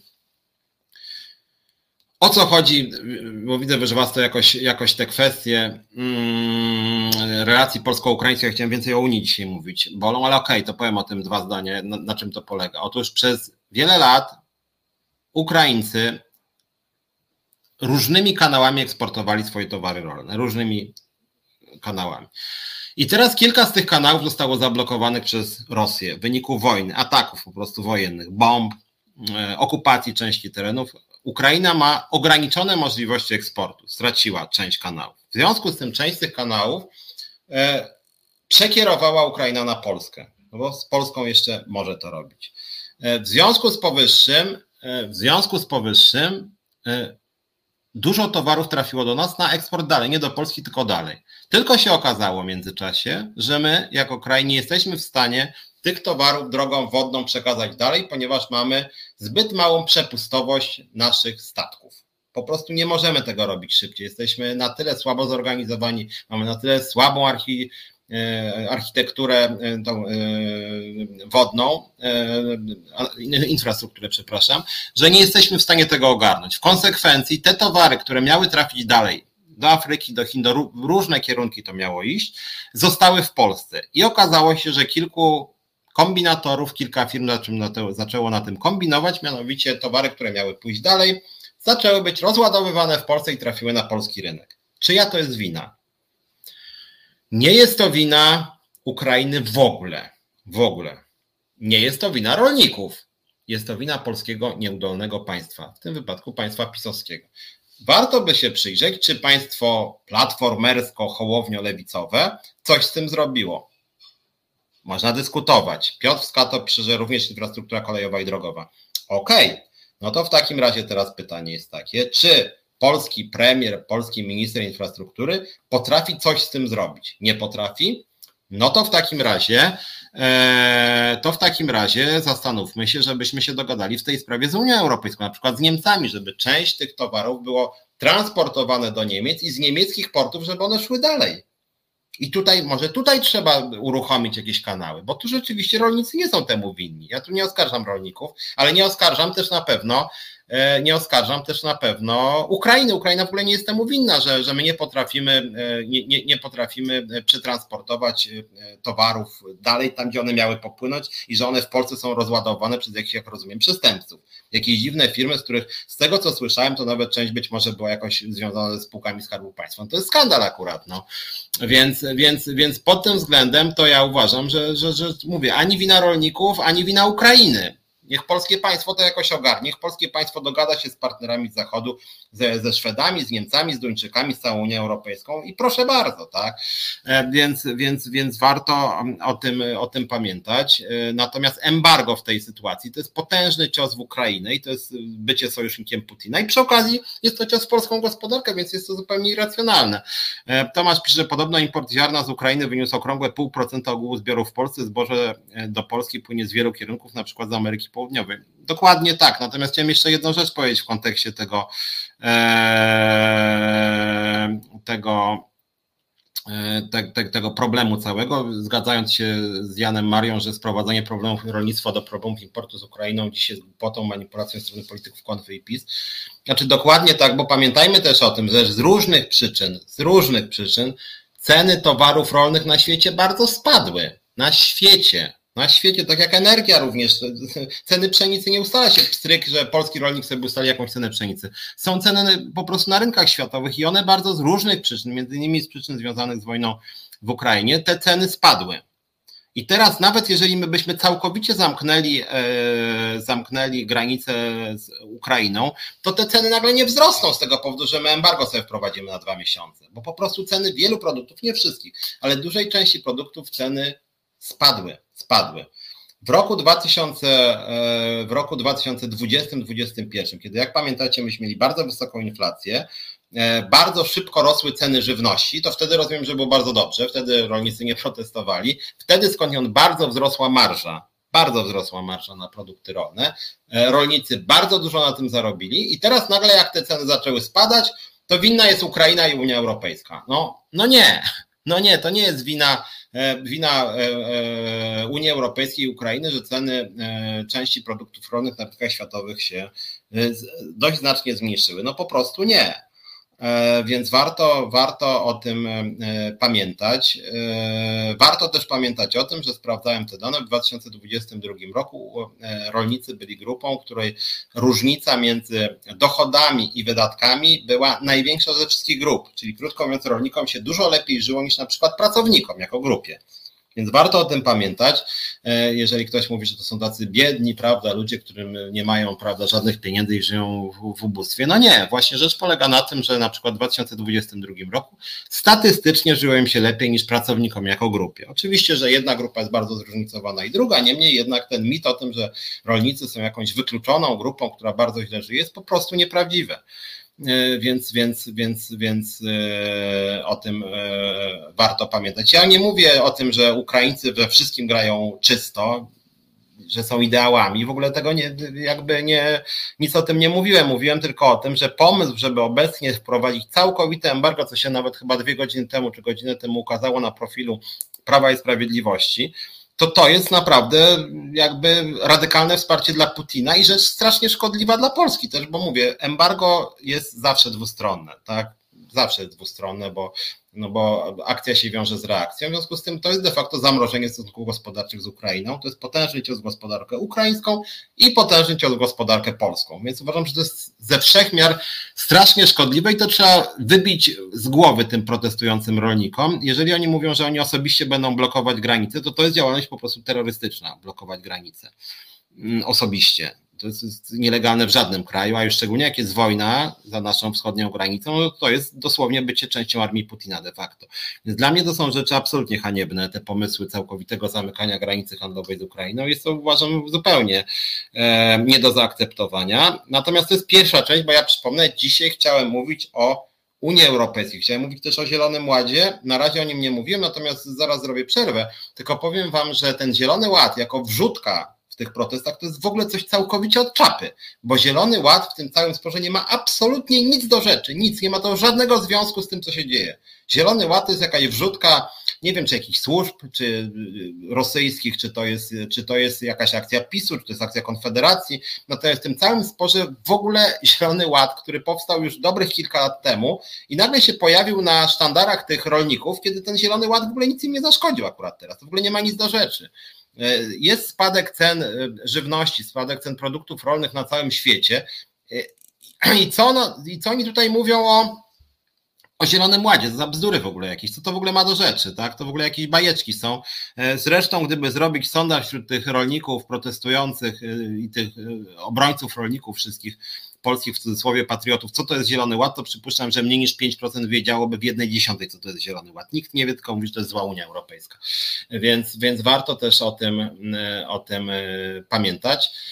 E, dobra, słuchajcie, zróbmy krótką przerwę, bo już jest 20 prawie i, i w drugiej części już chciałem porozmawiać z Wami o Unii Europejskiej, jakie są pozytywne aspekty, jakie negatywne wejścia do Unii Europejskiej, również w kontekście tych protestów mm, rolników, bo to jest bardzo ważna sprawa i uważam, że to, że w ogóle teraz ci rolnicy i Prawo i Sprawiedliwość przywołuje Zielony Ład, pan Kołodziejczak przywołuje, to to jest jakaś totalna manipulacja, głupota i ściema i ktoś tu albo dał się wmanewrować jakimś służbom rosyjskim, albo to jest po prostu świadome działanie antyunijne, natomiast opiera się to na kłamstwach i manipulacji. Moim zdaniem to jest szkodliwe dla polskiej racji stanu, bo e, uważam, że rzeczywiście nasz sojusz z Unią Europejską, nasze członkostwo w Unii Europejskiej jest rzeczą z całą pewnością bardzo pozytywną i bardzo pozytywną szczególnie dla polskiej wsi, chyba najbardziej. Polska wieś zyskała na Unii Europejskiej no najwięcej w swojej historii, nigdy więcej tyle nie zyskała, więc teraz jak rolnicy przeciwko Unii demonstrują, to jest, no generalnie to jest działalność samobójcza po prostu. Dobra, słuchajcie, robimy krótką przerwę i zaraz wracamy i sobie pogadamy o Unii Europejskiej. Reset Obywatelski nie boi się trudnych pytań, dlatego warto nas wspierać. Zrób to tak jak lubisz. Przelew, zrzutka, patronite lub przez naszą stronę resetobywatelski.pl. A, już jestem, aż się zapatrzyłem na chwilę, bo myślałem, że jeszcze będzie jakaś zajawka e, programu. Więc witam wam, Was z powrotem, Piotr Szumlewicz, e, Reset Obywatelski, Związkowa Alternatywa. Tak jak obiecywałem, chciałem z Wami teraz porozmawiać o Unii Europejskiej, o bilansie członkostwa Polski w Unii Europejskiej. Widzę cały czas jest sporo komentarzy na temat, e, na temat tego, co się dzieje między Polską i Ukrainą. Tu jest Jola Dropik, pisze, że pozdrawia z Holandii, się zgadza co do strajków rolniczych. Taki rozmiar jest w Polsce to pilotaż prawicowców, takich jak między innymi Konfederacja, dali się wciągnąć w rozrywkę polityczną, co robili konfederaci za czasów PiS. Eee, znaczy wiesz, Jolo, Jolu, to jest tak, że realnie naprawdę spadły ceny produktów rolnych na świecie. Spadły ceny produktów rolnych i rzeczywiście jest tak też, że te ceny, że te produkty z Ukrainy są e, często tańsze niż e, polskie, chociaż to też trzeba by podzielić sobie różne z tych produktów. Jedne są sporo tańsze, inne są inne są e, odrobinę tańsze. Natomiast, e, tak jak mówiłem, e, w dużej mierze winą polskiego państwa jest to, że te produkty, które miały iść na eksport i, miały tranzytem iść przez Polskę, ktoś zaczął je rozpakowywać, mówiąc wprost w Polsce, i jakieś firmy zaczęły na tym zarabiać. I, i niestety było tak, że Polska nie była w stanie nad tym procesem zapanować, więc tutaj patrz nieudolność polskiego państwa i to ani wina rolników, ani to wina Ukrainy wina nieudolnego polskiego państwa w tym przypadku. Natomiast to, co się już teraz dzieje i te postulaty, to jest oczywiście polityczna gra, e, która niekiedy opiera się po prostu na otwarcie antyukraińskich, antyunijnych e, poglądach części liderów tych protestów, które należą często po prostu do Konfederacji. E, mm, Dlaczego rolnicy domagają się embarga na zboże z Ukrainy, a nie na pochodzące z Rosji, który cały czas jest do nas zwożony? A to nawet musiałbym się przyjrzeć, jak to jest tym, e, jaka jest skala tego importu z Rosji, bo przyznam szczerze, że nawet e, nie wiem, bo jednak jest ograniczony ten handel z Rosją też, no jakby nie było. E, w rolnictwie nagromadziło się wiele problemów, szczególnie systemowych, przez to szambo wybiło. Politycy wszyscy nie mają wizji przyszłości rolnictwa, jedynie reagują doraźnie na kryzys. Od wejścia Polski do Unii odeszło z rolnictwa wiele milionów ludzi. Transfery finansowe to w dużej mierze osłona socjalna tego procesu, którego nie ponosiło państwo polskie. A jeszcze rolnicy kiedyś w ogóle byli wyjęci z opieki społecznej, nie przysługiwały im zwykłe zasiłki, na przykład dla bezrobotnych, dla ich dzieci, akademiki. No nie, Jan Maria, też nie przesadzaj, że tak powiem, dlatego że e, jednak są e, dopłaty rolne dla wszystkich gospodarstw rolnych. E, w związku z tym nie mów, że to są jakieś wyłącznie, jak to nazwałeś, transfery socjalne, tak, osłony socjalne. No nie, jednak, jednak cały czas tych rolników jest, szacuje się, że w gospodarstwach rolnych mieszka milion dwieście tysięcy tysięcy osób, więc to jest dużo więcej niż na przykład górników i rzeczywiście wsparcie dla rolnictwa jest potężne i z drugiej strony coś, co ja często powtarzam, tu jest trochę wina też Leszka Balcerowicza, który na początku lat 90. zniszczył PGR-y, polskie rolnictwo się strasznie rozdrobniło, a tymczasem rolnictwo i Unii Europejskiej rolnictwo, co ciekawe, w Ukrainie jest znacznie bardziej nowoczesne, ponieważ opiera się na tym, że są to duże przedsiębiorstwa, tak jak były PGR-y, tak? Dzięki temu to jest bardziej opłacalne, łatwiej wdrażać nowe technologie, e, łatwiej znosić kryzysy, natomiast te polskie małe przedsiębiorstwa rolne często, no to w sytuacji, kiedy spadają ceny na rynkach międzynarodowych, e, no tak samo jak jest z mikroprzedsiębiorstwami, no to oni po prostu po kilkunastu tygodniach są na skraju bankructwa, ponieważ nie mogą przeczekać, ponieważ ich na to nie stać, od razu chcą sprzedawać. W związku z tym, no to też jest po prostu archaiczna struktura polskiego rolnictwa i z tym rzeczywiście nikt nic, e, nikt nic nie zrobił. E, E, tak, Janusz Agapi też ma rację. To jest oczywiście kwestia importu taniej żywności spoza Unii, na przykład we Francji czy Belgii, o ile pamiętam, to są głównie kwestie związane z e, importem z krajów e, Mercosuru, czyli Ameryki Łacińskiej. Więc to, to, jest, to jest prawda. Natomiast z drugiej strony, ja to często podkreślam, już chciałbym przejść do tej Unii Europejskiej. Mianowicie, czymś zupełnie innym jest to, czy towary z Ukrainy, z Ameryki Łacińskiej e, są w mniejszym stopniu ekologiczne, tak powiem, tańsza jest ich produkcja niż w Unii Europejskiej, bo nie spełniają wysublimowanych wymogów unijnych, tak? To jest jedna rzecz. A czym innym zupełnie jest krytyka Zielonego Ładu, bo jeżeli jest tak, że rolnicy krytykują towary z Ukrainy, czy otwarte granice, tak, otwartą wymianę handlową z Ukrainą, czy z krajami Mercosuru, mówiąc, że oni muszą spełniać jakieś kryteria, a tamci nie. A z drugiej strony ci sami rolnicy mówią, że oni nie chcą spełniać kryteriów unijnych, ale chcą brać kasę z Unii Europejskiej, no to przepraszam was bardzo, ale coś tu jest nie tak, bo albo jedno, albo drugie, tak, jeżeli my spełniamy te wysublimowane kryteria unijne, no to wtedy rzeczywiście możemy krytykować tanią konkurencję, która tych kryteriów nie spełnia. Tak, to tak jak jest na przykład e, spór między częścią tam firm taksówkowych, a, a tymi przejazdami, które części kryteriów nie spełniają. I to jest zrozumiałe. Natomiast jeżeli ci sami rolnicy mówią precz dla Ukrainy i precz dla Unii Europejskiej, czyli krótko mówiąc, nie życzymy sobie konkurencji z Ukrainy, ale nie będziemy przestrzegać żadnych standardów unijnych, ale będziemy brać kasę i będziemy jeździć traktorami za milion, półtora miliona, które są sfinansowane głównie głównie z środków unijnych, no to przepraszam bardzo, mnie to już wkurza, bo oni dostali straszne pieniądze, są grupą, która najbardziej zyskała na członkostwie Polski w Unii Europejskiej, a tymczasem jak cokolwiek muszą zrobić, się trochę zmodernizować, to nie mówią, nie, nie, to, to, to nie, tak? No to nie jest uczciwe moim zdaniem. Więc warto o tym pamiętać. Teraz tak, jak chodzi o, jak chodzi, no nie Al Capone, był raport, nikt nie dostanie pieniędzy, jeśli nie spełni kryteriów unijnych. Tak nie jest, że, że Unia Europejska sama sprawdza każdego rolnika, to jest zadanie Polski. Ostatnio był raport Najwyższej Izby Kontroli, z którego wynikało, że polskie produkty rolne mają najgorszą jakość w Unii Europejskiej. Poszukaj sobie, jest taki raport, mówię, Polskiej Najwyższej Izby Kontroli. To nie są kontrole unijne, tylko to są oceny Polskiej Najwyższej Izby e, Kontroli. E, więc warto, warto o tym e, pamiętać. Teraz wracając do, e, wracając do Unii Europejskiej, bo chciałem, postaram się wrócić później do tego, co piszecie, ale chciałem jednak trochę o tej Unii Europejskiej mm, powiedzieć, bo tak też zajawiałem dzisiejszy program, że o Unii sobie trochę powiemy. Otóż od wejścia do Unii Europejskiej Polska była największym beneficjentem netto, czyli najwięcej zyskaliśmy miliardów ze wszystkich krajów Unii Europejskiej. Ta kwota przekroczyła już 160 miliardów euro, 160 miliardów, czyli to jest e, rzędu 800 miliardów złotych. 800 miliardów na czysto z Unii Europejskiej. E, e, szacuje się, i to są dane rządowe, że około 1 ósma przyrostu wskaźnika zatrudnienia w okresie 2004-2020 to jest e, skutek inwestycji finansowanych z funduszy unijnych. 1 ósma łącznego wskaźnika zatrudnienia, czyli rzędu 12-13%. E, w samym pandemicznym scenariuszu w 2020 roku stopa bezrobocia była o blisko 1% niższa niż w scenariuszu bez środków unijnych. E, według Polskiego Instytutu Ekonomicznego PKB per capita według parytetu siły nabywczej byłby obecnie niższy o ponad 30%, gdybyśmy nie weszli do Unii Europejskiej. E, polski PKB w ujęciu globalnym stanowiłby tylko 60% średniej unijnej, z drugiej strony e, tempo wzrostu gospodarczego Polski w okresie 2003-2020 wynosiło średniorocznie 3,6%, a udział w e, rynku unijnym odpowiadał za ponad połowę tego wzrostu w tym okresie, ponad połowę wzrostu e, PKB. Gdyby nie wejście do Unii, poziom PKB na głowę mieszkańca byłby nawet o 30-35% niższy E, w stosunku do tego poziomu innego. Przeciętne wynagrodzenie Polaka byłoby niższe o około 1400 zł. 1400 zł mniej niż na Polaka.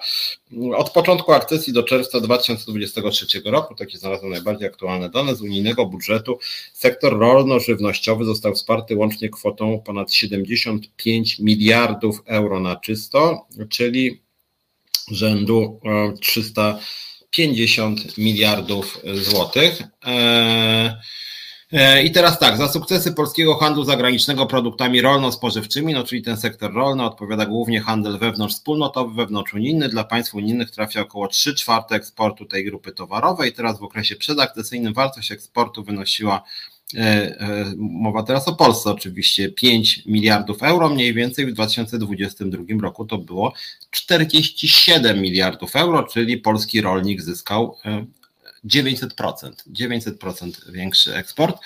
E, Polska jest liderem w Unii Europejskiej między innymi, więc warto o tym pamiętać, bo my mówimy o, mm, o imporcie i eksporcie z Ukrainą, natomiast, e, natomiast Unia Europejska jest znacznie większym dla nas partnerem niż, niż Ukraina. E, Polska jest obecnie liderem, jak chodzi między innymi o produkty drobiu, owoców, pieczarek. Na eksport, na eksport trafia 80% polskiej wołowiny, 45% polskiego drobiu, 30% produktów mleczarskich. E, w 2018 roku wartość eksportu produktów rolno-spożywczych wyniosła prawie 30 miliardów euro, czyli blisko 150 miliardów złotych. W porównaniu z rokiem 2004 oznacza to wzrost o 600%, 600% w stosunku do właśnie tego, znaczy do 2020 do 2018 w stosunku do 2004 to jest wzrost 600%. Więc nawet kilka tych wskaźników, o których ja powiedziałem, pokazuje, że jak chodzi nie tylko o Polskę, ale w szczególności o polską wieś, to mamy totalną przepaść, to znaczy na korzyść rolników, to znaczy to, ile oni zyskali, jak bardzo otworzyły się im rynki, jak bardzo zwiększyły się ich zyski, jak bardzo zwiększyły się im, jak dostali w prezencie nowe pola zbytu ich towarów, jak radykalnie wzrosła ich produkcja, ich sprzedaż, ile oni dostali kasy z Unii Europejskiej, to, jest największy transfer w ogóle w historii Polski, to radykalnie największy transfer w historii Polski.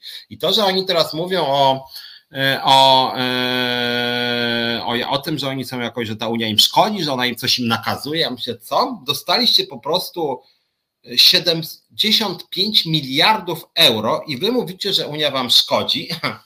No fajnie byłoby, jakby inne grupy zawodowe też tyle dostały. Ja rozumiem, że żywność jest dobrem strategicznym, ale to jest po prostu no skandaliczne, że, że, że, że ci ludzie dostali tak strasznie dużo pieniędzy i teraz od nich się oczekuje, żeby stopniowo zaczęli wdrażać różnego rodzaju e, kryteria ekologiczne i oni nagle są po prostu święcie obrażeni, że oni cokolwiek muszą zrobić. No przepraszam, ale Unia Europejska to jest pewna wspólnota jakości. To jest pewna wspólnota wizji państwa, wizji gospodarki, e, wizji e, środowiska, ograniczenia emisji CO2, no, a nie, że po prostu Unia ma nam dawać kupę kasy, szczególnie rolnikom i oni w zamian nic nie mają robić zupełnie.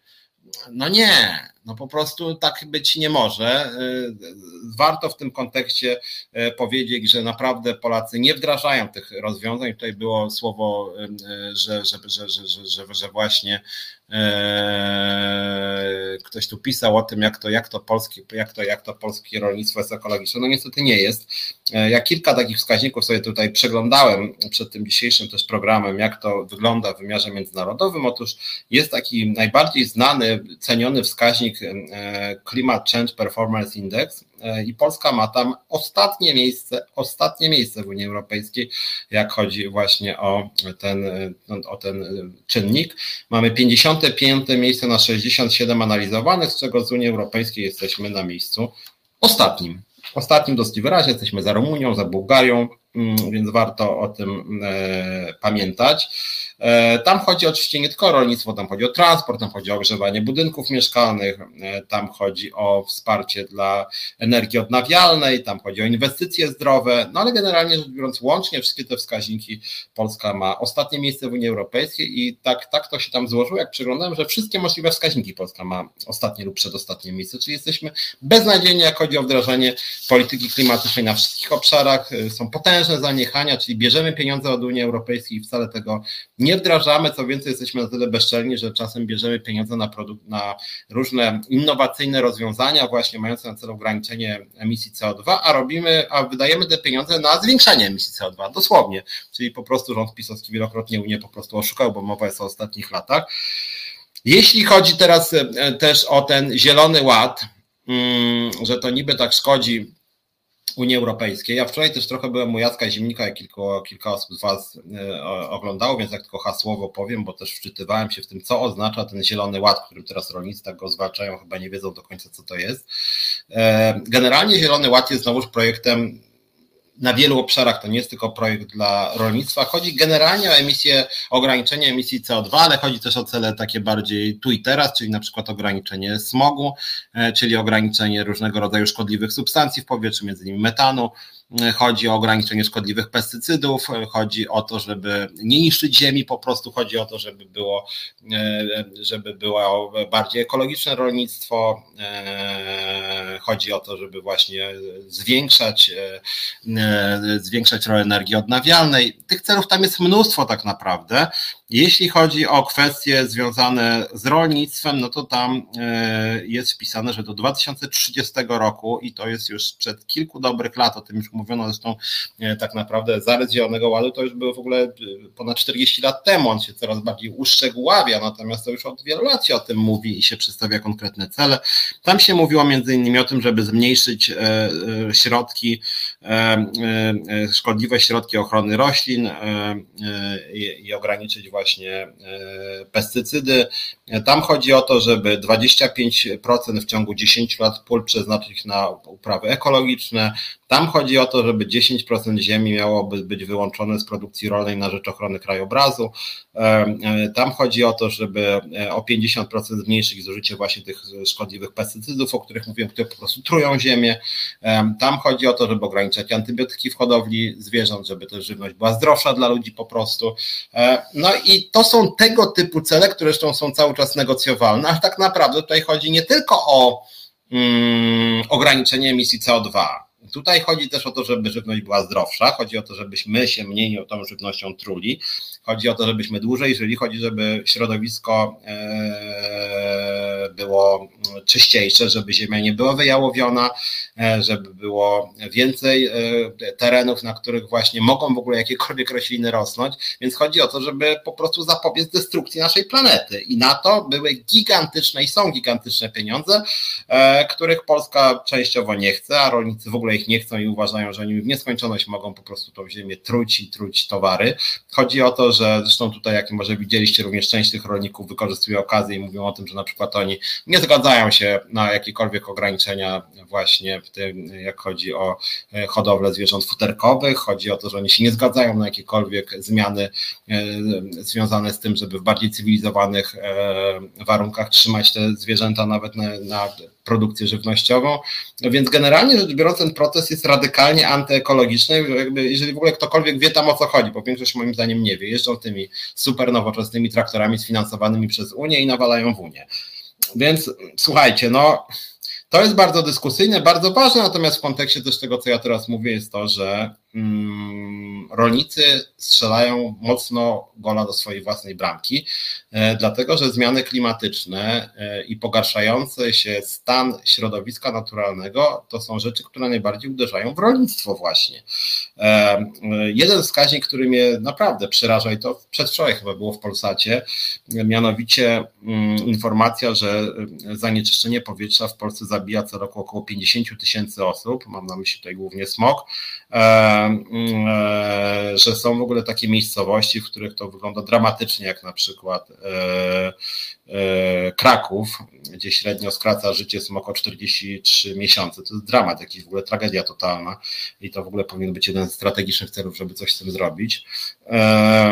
a nic się z tym nie robi. Chodzi o to, że był taki ranking ostatnio najbardziej zanieczyszczonych miast w Unii Europejskiej i tam w pierwszej 50 było chyba 17 czy 16 miast polskich, czyli jesteśmy absolutnymi liderami zanieczyszczenia środowiska i niezdrowego powietrza.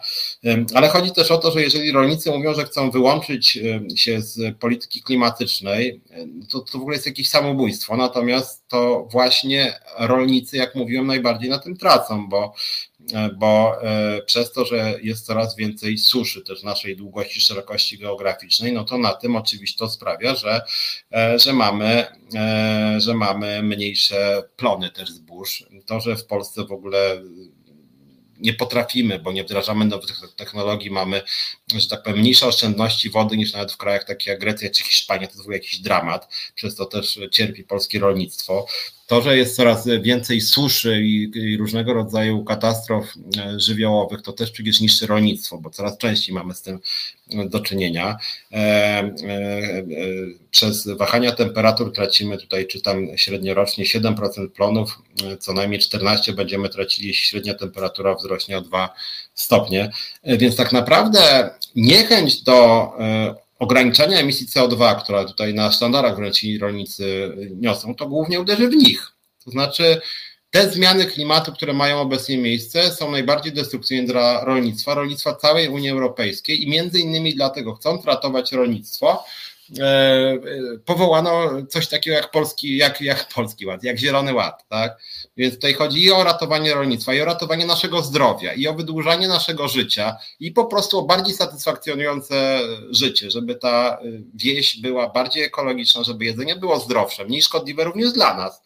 Więc ja w ogóle tego jakby uważam, że podpisywanie się pod hasłem precz z Zielonym Ładem to, to jest trochę strzelanie sobie w głowę, czy w kolano przynajmniej na początek. Znaczy, to jest jakaś samobójcza, bardzo szkodliwa polityka i oskarżam też polski rząd o to, że on w ogóle tego nie tłumaczy, że nie ma żadnej kampanii informacyjnej, że oni de facto kupują te cele. Jak słucham tego głupka Kołodziejczaka, przepraszam za określenie, ale moim zdaniem to jest człowiek, który nie ma zielonego pojęcia o niczym tak naprawdę, e, a to wspiera władzę, której przecież częścią jest, bo jest ministrem, a to sugeruje, że jest prawie że na czele tych protestów rolniczych, zaatakował w ogóle Załyńskiego i on powiedział, nie wiem czy słyszeliście, co powiedział Kołodziejczak, że, że pan Załański to powinien do Polski przyjechać, żeby ściągnąć autokarami e, Ukraińców z Polski. No przecież to jest hasło, no to jest takie no, konfederacja, krótko mówiąc. Znaczy, moim zdaniem on powinien w ogóle za to już dawno wylecieć. W ogóle dla mnie to jest wstyd, że tu trzyma takiego kogoś, e, kto otwarcie walczy z Ukrainą i jest antyunijny. Dla mnie to jest wstyd po prostu, że ktoś taki tam jest. Tą kołodziejczak właśnie nie ma wiedzy. Ostatnio atakował kogo? Celników zaatakował za, za, za to, co się dzieje w ogóle przy granicy polsko-ukraińskiej. Więc w ogóle on w ogóle nie wie, o czym mówi, bo celnicy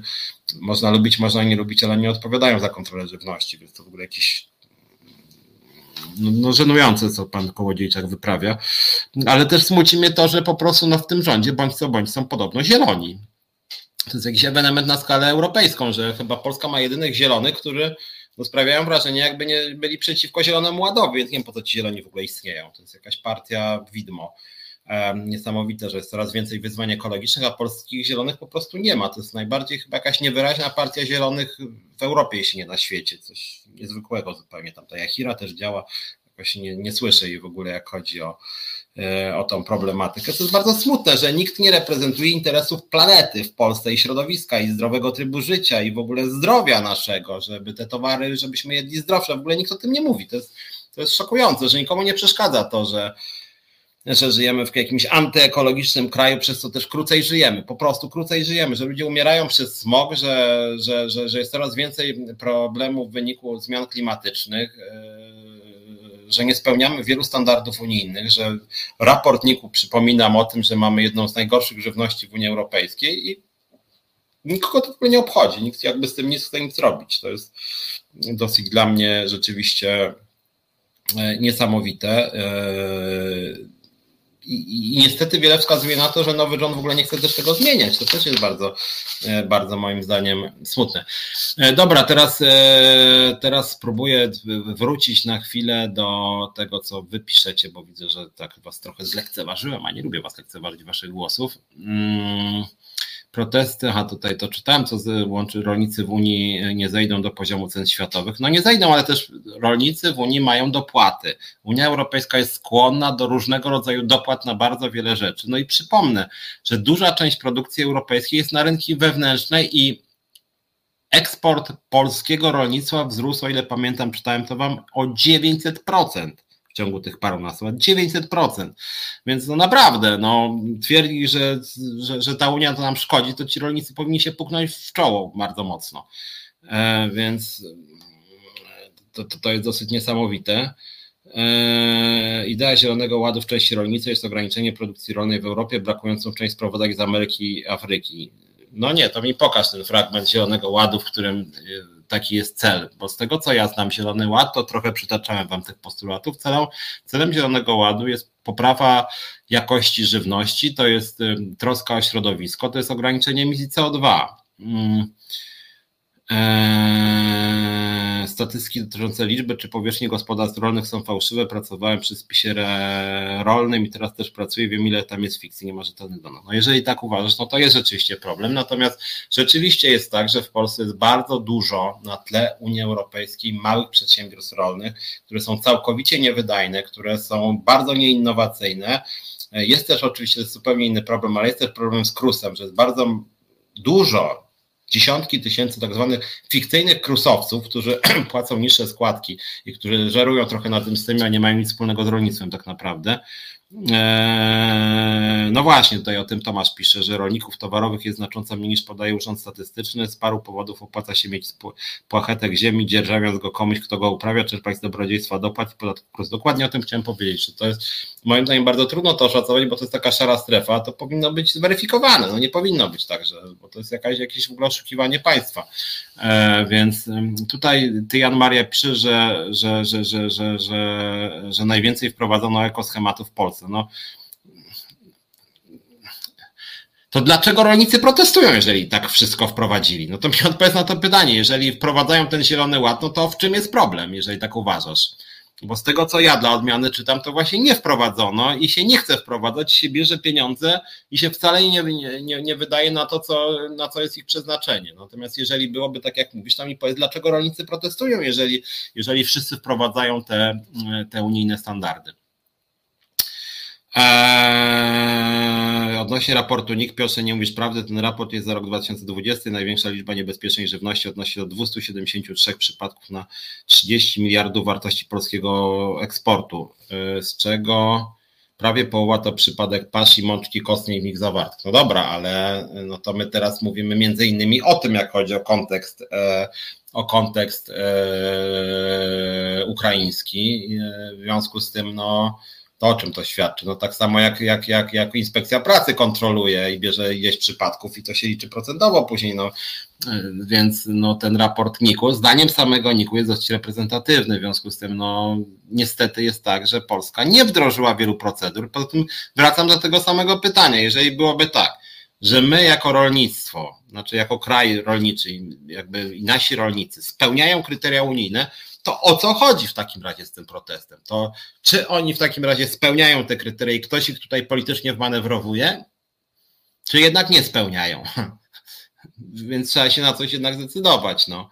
Eee, polskie rolnictwo nie zmienia się, a powinno, przestałam rozumieć tę skalę i sposób protestów komik buszujących zboże. No ja się tutaj też z tym zgadzam. Uważam, że uważam, że czas najwyższy polskie rolnictwo radykalnie zmodernizować, podobnie jak rolnictwo, a zmodernizować oznacza między innymi e, między innymi e, no, ograniczyć. No, jest strasznie rozdrobnione i bardzo niewydajne polskie rolnictwo. I, i przypominam, jak chodzi, to są małe przedsiębiorstwa rolne w krajach Unii Europejskiej, które produkują wyłącznie na tą produkcję ekologiczną i na to akurat są potężne dopłaty unijne, tylko tam trzeba spełnić sporo kryteriów, których polskie drobne przedsiębiorstwa rolne nie chcą spełniać po prostu i walczą teraz o to, żeby wbrew woli Unii Europejskiej właśnie, właśnie móc produkować bez zachowania standardów unijnych. Zresztą te, te, te standardy sanitarne, na przykład odnośnie wielu krajów, w tym Egiptu, na przykład spełnia Ukraina, a Polska już niekoniecznie. Więc jak chodzi też o te kryteria, to są takie towary, w których ta żywność ukraińska jest wyższej jakości niż polska akurat, więc to też nie jest takie proste, że,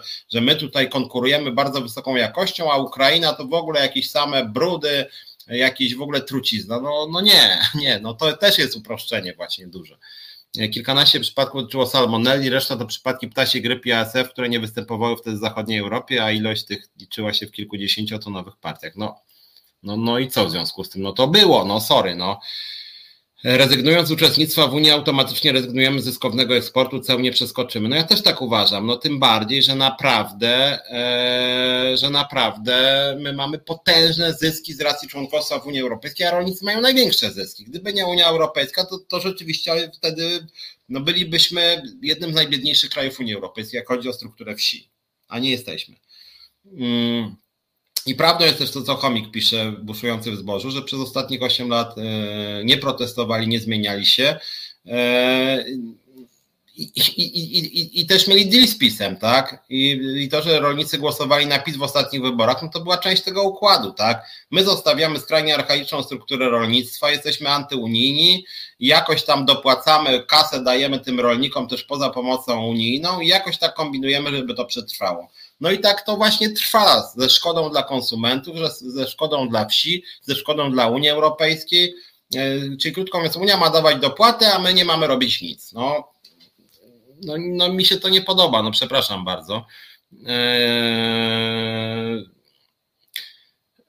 rezygnując z unijnych dopłat, automatycznie fundujemy sobie zwyżkę cen żywności. No to też jest swoją drogą racja, dokładnie tak. Oczywiście, że, że w ten sposób byłyby znacznie wyższe ceny. Eee, jak rolnicy wspierali pielęgniarki czy medyków w 2021 roku. No ale co sugeruje, że jeżeli oni wsparli jakąś grupę, to znaczy we wszystkim mają rację. Znaczy wiesz, no problem też jest taki, że Unia Europejska daje bardzo duże pomocy rolnikom. Polskie państwo też im daje. Teraz słyszę, że również górnicy mają dostać 14% podwyżki płac 15%. Ja reprezentuję pracowników socjalnych, 0% proponuje im rząd. Ja reprezentuję pracowników ZUS-u, może 20% w ostatnich latach był spadek płac realnych. Ja reprezentuję skarbówkę, też nikt się specjalnie na skarbówkę nie przejmuje. E, a szczerze powiedziawszy, uważam, że w kontekście wyzwań stojących przed Polską, to warto byłoby z jednej strony dowartościować te zawody związane na przykład z opieką, a z drugiej strony trzeba zmodernizować to rolnictwo, a nie ciągle dosypywać kasy poprzez petryfikowanie tego zastanego systemu i tych wszystkich patologii. No, no, no, no, no nie, no. Yy, po prostu uważam, że nie, że ruchy radykalne się budzą, pisze Janusza Kapit. Znaczy tak, natomiast ja mam, jak mówiłem, pretensje do rządu, do rządu Donalda Tuska, że on jest totalnie bezideowy póki co, jak chodzi o te kwestie, o kwestie, o w ogóle o wizję gospodarki że tak naprawdę to jest takie mruganie do wszystkich, że jest krzykacz kołodziejcza, który, który, który po prostu jest pierwszy antyukraiński, antyunijny. E, jest pan minister Siewierski, który w ogóle się niczym nie różni od PiSu. E, jest pan Hołownia, który udaje ekologa, nie ma z ekologią nic wspólnego. Jest partia Zieloni, która nie mówi totalnie nic. Jest lewica, która też, nie wiem, chyba nie mają ekspertów od ekologii, więc też przezornie milczą. No i jest takie nie wiadomo co, że tak właśnie nie wiadomo jaka jest polityka rządu. Tak, to jest taka polityka, jakoś to będzie.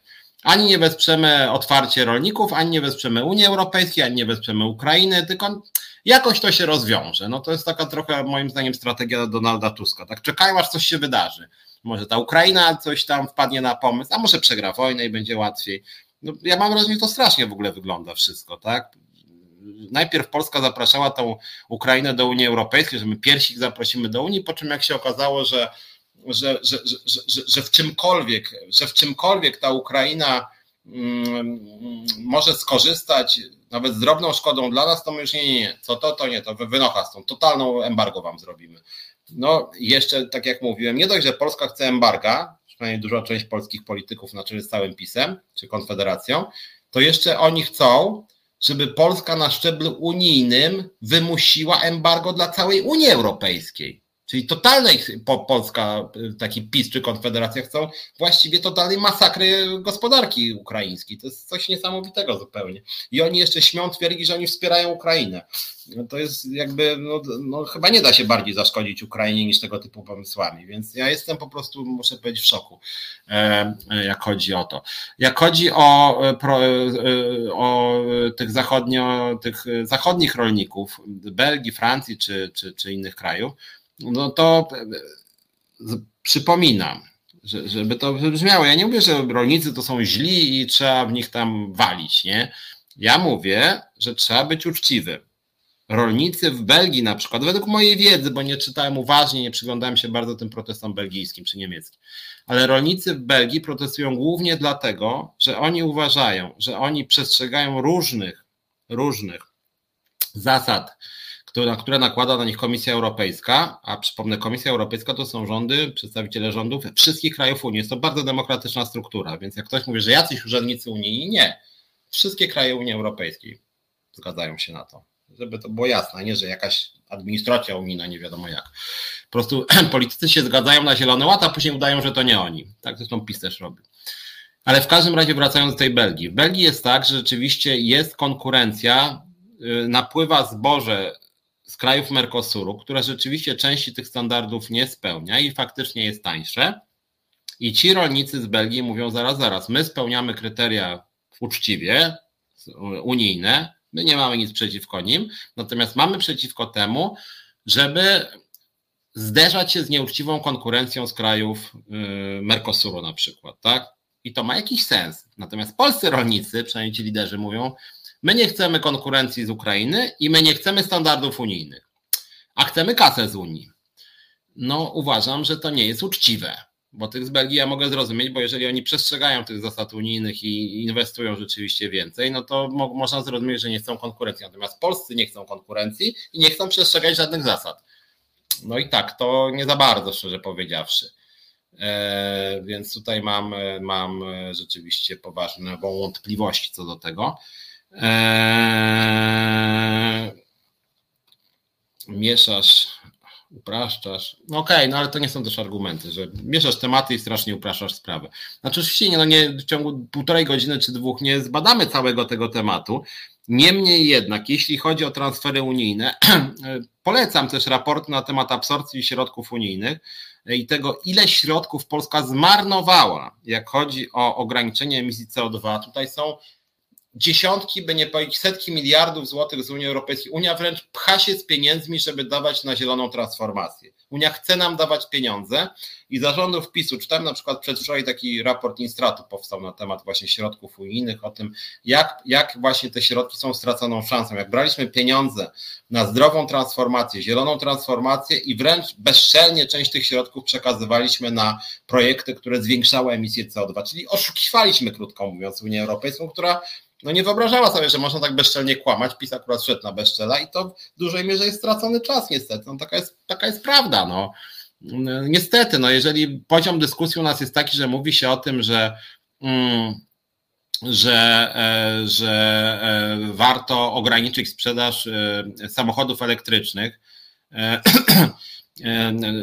spalinowych, że warto rzeczywiście, żeby te samochody, które emitują dużo CO2, akurat tutaj transport samochodowy e, odgrywa dużą rolę i wprowadzić te samochody zdrowsze, jakąś inną formę emisji, czy przenieść się na transport e, kolejowy i później panowie z Konfederacji robią jakąś dziką kampanię, że to jest zabieranie Polsce prawdziwych samochodów samopalinowych, że my możemy mieć swoje stare rzęchy nieskończoność i nigdy od tego nie odejdziemy.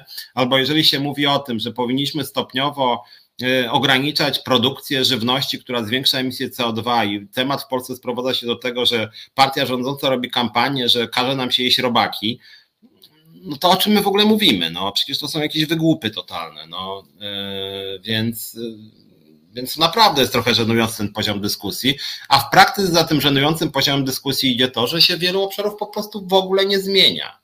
W ogóle nie zmienia i to jest niestety bardzo, bardzo, bardzo, yy, bardzo smutne. Tutaj Tomasz pisze, że w Krakowie sporo zrobiono już walki z smogiem. Okej, okay jakby nie przeczę, się temu szczegółowo nie przyglądałem, tylko wiem, że cały czas niestety, mm, niestety smog w Krakowie zabija. E, jeżeli to otoczenie truje miastem, to też pokazuje, że no niestety, niestety potrzeba też krajowych programów, a nie tylko jakichś miejskich, że Polska jako kraj nie poważnie traktuje zagadnienie. Zresztą nawet polski smog swego czasu przy silnym wietrze dotarł tam do Szwecji i się okazało, że pierwszy raz w ogóle od lat w Szwecji była taka fatalna jakość powietrza, bo powietrze z nad Polski przyleciało. Eee, więc warto, warto eee, o tym pamiętać. Eee, tutaj w zbożu jesteśmy absolutnymi liderami we wprowadzeniu w Unii. No dobrze, okej, okay. uczę się na błędach, słucham głosu krytycznych. Jeżeli mówisz, Jannie Mario skrzypi furtko, że jesteśmy liderami we wprowadzaniu tych standardów unijnych, jak chodzi o zboże, a zboże jest głównym problemem w sporze z Ukrainą tych rolników. No to jest, i, i, I to właśnie producenci zboża krzyczą precz z Zielonym Ładem, a ty twierdzisz, że my jesteśmy absolutnym liderem wprowadzenia Zielonego Ładu w Unii Europejskiej, to albo ci rolnicy są głupi i nie wiedzą, co robią, albo ty się mylisz. No więc jeżeli uważasz, że tak, no to na czym polega problem z tym Zielonym Ładem, jak my jesteśmy liderem w ogóle? No to powinniśmy po prostu nieść na sztandarach, my realizujemy Zielony Ład i w związku z tym Unio dbają o nas, bo my jesteśmy wzorem. No nie, no wskazywałem Ci nawet jeden ranking, w którym Polska ma ostatnie miejsce w Unii Europejskiej, więc mogę szczegółowo bardziej się temu przyjrzeć, ale przede wszystkim to, co przecież jest nielogiczne, bo jeżeli jesteśmy liderem, no to dlaczego ci rolnicy protestują przeciwko tym standardom unijnym? Jak, jak, jak jesteśmy liderem w ich wdrażaniu? No. Eee, więc więc eee, jeśli chodzi natomiast o płacenie za kilogram mięsa 50 zł, no to też się zdecyduj wcześniej, rozumiem, że złe jest, zła jest żywność z Ukrainy, bo jest tańsza. Że to nie wolno w takim razie e, importować z Ukrainy, bo wtedy nam spadną ceny i polski rolnik ucierpi. To teraz ty straszysz, że jak po, po, poprawimy standardy żywności, to, to, to mięso wtedy zdrożeje. To nie wiem, co mówisz o, o, o 50 zł, bo są takie mięsa, na przykład cielęcina, która już kosztuje e, rzędu 50 zł, nie mówiąc o polędwicy wołowej, która kosztuje dużo więcej, e, polędwica wieprzowa pod 50, no więc tam nie wiem, co masz też na myśli, no ale trzeba się też na coś decydować, no bo no bo jeżeli tak, no to, to, to, to może powinniśmy płacić za kilogram mięsa 50 zł. No, jeżeli mamy przestrzegać zasad, jeżeli to jedzenie ma być zdrowe, jeżeli mamy dbać i o żywność, i o zdrowe środowisko, no to akurat może mięso faktycznie powinno zdrożyć. No tak, tak, może trzeba sobie uczciwie powiedzieć. Zresztą to, to niech ci rolnicy się na coś decydują, jak oni, czy oni chcą w końcu, żeby były te ceny niższe, czy żeby były wyższe. No, czy chcą zarabiać, czy nie chcą. No, bo teraz to, to jak rosną źle, jak spadają, to też źle na coś jednak zdecyduj. No. Więc yy, jak chodzi o to, co Chomik pisałeś o tych cenach produktów rolnych, to są ceny też spadają na rynkach światowych i tutaj, tak jak powiedziałem, yy, nawet zamknięcie granicy z Ukrainą nie sprawi, że ceny na rynkach światowych żywności wzrosną, więc to, to tak nie działa po prostu.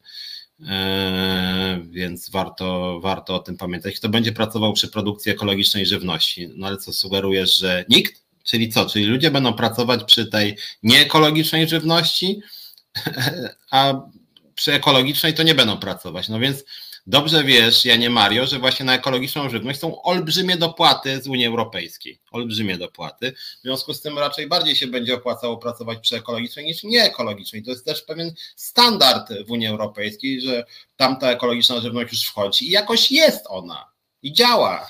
I, I, są ludzie, którzy przy tym pracują. E, więc, więc, więc warto o tym mm, pamiętać. Eee, no właśnie, czy skąd pomysł, żeby żywność była tak absurdalnie tania i to pozornie tania, bo dopłaty są z naszych podatków, i, e, a ten syf lany i sypany w ziemię później jemy. No to też jest właśnie prawda. Powiedziałem, że to, że żywność, ceny żywności rosną i że rośnie cena nawet transportu, no cóż, jeżeli chcemy przeżyć jako ludzkość, jeżeli chcemy dłużej żyć, jeżeli chcemy oszczędzać na ochronie zdrowia, to znaczy po prostu nie chorować, no to może warto byłoby rzeczywiście, bo na przykład od lat słyszę argumenty o tym, że, e, że dla górników powinien być wcześniejszy wiek emerytalny, e, dlatego że e, górnicy krócej żyją i oni po prostu tej emerytury, tego, tego wieku emerytalnego 65 lat, nie wiem co 70, by po prostu nie dożyli. No to narzuca się pytanie, to po co utrzymywać pracę w miejscu, które sprawia, że ludzie żyją poniżej 65 czy nawet 60 lat? To jest koszmar jakiś to to w takim razie te, te, te, te polskie kopalnie, te jakieś obozy pracy są. To w ogóle trzeba to pozamykać jako jakieś barbarzyństwo. Jeżeli ludzie tam żyją o 10 lat krócej niż w gospodarce narodowej, no to powinien być zakaz pracy w polskich kopalniach. Trzeba to zamknąć z dnia na dzień, jeżeli tak ma wyglądać. No. To co my teraz bronimy jak niepodległości tego, że ludzie umierają 10 lat wcześniej? To, to tak ma to wyglądać? No to rzeczywiście nie jest chyba za mądre, no, muszę powiedzieć faktycznie. Eee... No właśnie, tutaj Chomik pisze o tym, że największe zatrudnienie mamy w rolnictwie yy, i jedna trzecia budżetu Unii to budżet rolny. To też jest prawda akurat. W Polsce mamy około 1,3 miliona gospodarstw. Mm, no, więc właśnie, ja wiem, kto jest pomysłodawcą i po co, ale absolutnie moim zdaniem całkowicie z nim zgadzam. Nie chodzi mi nawet o szacunek i marnowanie żywności, a samą ideę.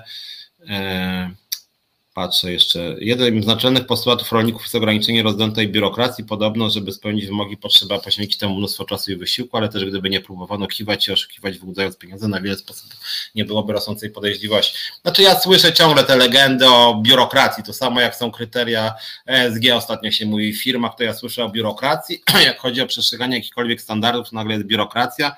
Jakoś, jak trzeba było brać pieniądze z Unii, to jakoś sobie radzili z tą biurokracją, więc naprawdę nie używajmy demagogicznych argumentów, że to jest jakaś strasznie rozdęta biurokracja, przestrzeganie procedur. No, tak jak słyszałem już od wielu, że płacenie podatków to wymaga jakiejś straszliwej biurokracji, a później się okazywało, o czym pewnie większość z Was wie, że rozliczenie PIT-u to jest mniej więcej półtorej minuty, więc y, uważam, że to jest akurat demagogia.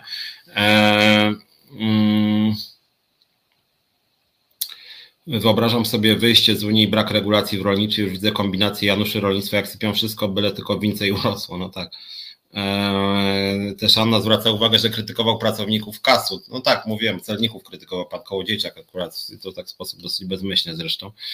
Mm, no dobra, widzę strasznie, żeście się rozpisali. Eee, dobra, ale nie, trochę już podyskutowaliśmy o tym rolnictwie, a mamy 15 minut, niecałe właściwie 10. Mm, więc może jeszcze powiem jedną czy dwie ważne rzeczy. E, mianowicie e, cały czas trwa dyskusja na temat jakości, żeby zmienić temat i nie mówić cały czas tylko o tym problemie Zielonego Ładu, którego jestem gorącym zwolennikiem, bo po prostu musimy się ratować jako ludzkość. E, mm, natomiast cały czas trwa dyskusja na temat jakości zatrudnienia w instytucjach państwowych, spółkach Skarbu Państwa, trwa dyskusja na temat konkursów i muszę powiedzieć, że tak mijają kolejne tygodnie, i jakoś mówię o Polsce oczywiście, i jakoś nie widzę specjalnie, e, że tak powiem, żeby szło to naprzód. Mm, nie widzę tutaj jakiegoś postępu, nie widzę tutaj e, wdrażania rozwiązań systemowych, e, czy tej zasady double blind, o której mówiłem, to znaczy przy konkursach, że tak powiem, nie wiedzę po obydwu stronach, to znaczy kto ocenia i kto jest oceniany. Nie widzę też tego, żeby były jawne konkursy, żeby były publicznie formułowane kryteria przyjmowania na najwyższe stanowiska. Mam wrażenie, że rząd Donalda Tuska na razie tworzy coś w rodzaju fikcji konkursów, kiedy ja na przykład słyszę, że, że, że, że władza sobie tylko znanym trybem mm, e, sobie wybrała kilka osób do komisji, która przyjmuje ludzi do spółek Skarbu Państwa i tak sobie to, to dobra, to ty przechodzisz, ty przechodzisz, ty przechodzisz e, i, i że w gruncie rzeczy nie widzę żadnych konkursów nawet w sieci ogłaszanych. To ja nie wiem, jakieś konkursy przez telefon, czy co, że pojawi się nawet jakiś dziwny pomysł w otoczeniu chyba Tuska, żeby robić konkursy, które w ogóle nie są jawne, w sensie nikt o nich nie wie poza tymi, do których się zadzwoni. Więc to niestety nie wygląda dobrze. Tych wiceministrów już jest naprawdę strasznie dużo. Już chyba pobili wyraźnie wszystkie rządy pisowskie. Tam jest razem ministrów i wiceministrów już chyba ponad 130 i idzie cały czas do góry. E, większość tych wiceministrów jest i ministrów zresztą też merytorycznie o bardzo niskiej jakości, czyli to nie są eksperci, to nie są specjaliści, to są po prostu posłowie, posłanki i ludzie, którzy się nie dostali do Sejmu i Senatu, czyli którzy przegrali, dostali premię w postaci stołka. No i to jest moim zdaniem kompletnie naganne.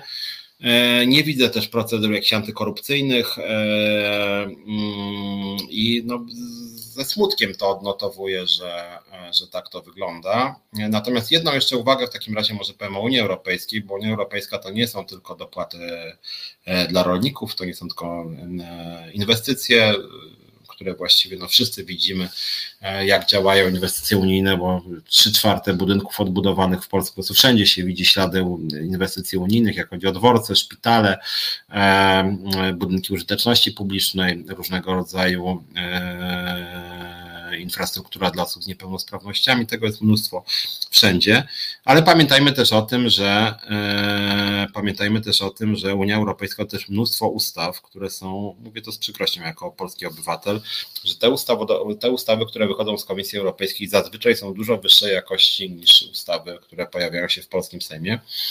E, wiele z tych ustaw jest znacznie korzystniejszych dla polskich obywateli, dla polskich pracowników, dla polskich konsumentów niż, niż te ustawy, które pojawiają się w polskim Sejmie. Mm, e, mam na myśli na przykład dyskutowaną tutaj w programie kilkukrotnie ustawę o pracownikach delegowanych, e, też regulacje dotyczące jawności w ofertach zatrudnienia, kwestia urlopów wychowawczych dla mężczyzn, kwestia podania uzasadnienia w umowach na czas określony, czy niedawny pomysł, żeby był domysł umowy na etat w pracy tak zwanej platformowej, tak, czyli w różnego rodzaju Glovo, Boltach i innych tego typu mm, firmach. I to wszystko pochodzi z Unii Europejskiej. To nie jest wymysł polskiej władzy, czy polskiego parlamentu, nawet opozycji, tylko to są ustawy, które od wielu lat, czy ustawa o sygnalistach, która jest psuta na różne sposoby przez polskie władze, kolejne zresztą. E, więc, więc Unia Europejska to też jest model praworządności, który ma swoje wady, ma swoje patologie, ale jest powiedzmy pięć klas wyżej niż polski model. I to nie tylko PiS, który w ogóle był jakąś katastrofą, jak chodzi o praworządność, ale w ogóle chodzi o kolejne polskie władze, że te standardy unijne są na każdym poziomie wyższe niż te, które są w Polsce.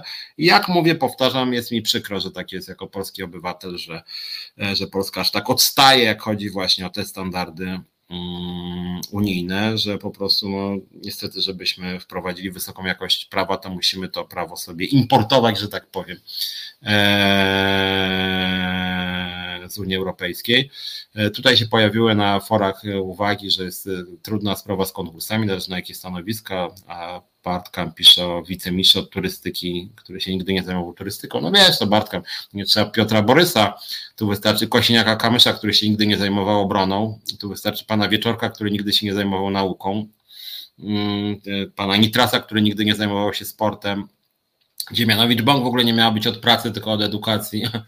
E, więc tych e, jakby pewnie trudniej byłoby znaleźć ekspertów w tym rządzie, niż nie ekspertów, że tak powiem, więc to w ogóle słabo wygląda, tym bardziej, że na stanowiska dyrektorskie też niestety są nominacje w dużej mierze partyjne, więc jeszcze już muszę zaraz kończyć, więc tylko powiem o tym, że na koniec, że e, nasz Związek Zawodowy Pracowników TVN, bo jesteśmy w TVN, e, nasze stanowisko się dosyć mocno przebiło, z czego jesteśmy zadowoleni, bo często pracodawcy na to, co się dzieje w mediach, reagują szybciej nawet niż po prostu merytoryczne stanowiska pracowników. No niestety tak jest. No tym bardziej, że TVN sam jest medium, więc jeżeli w mediach jest o głośno, no to też oni wiedzą, co to znaczy.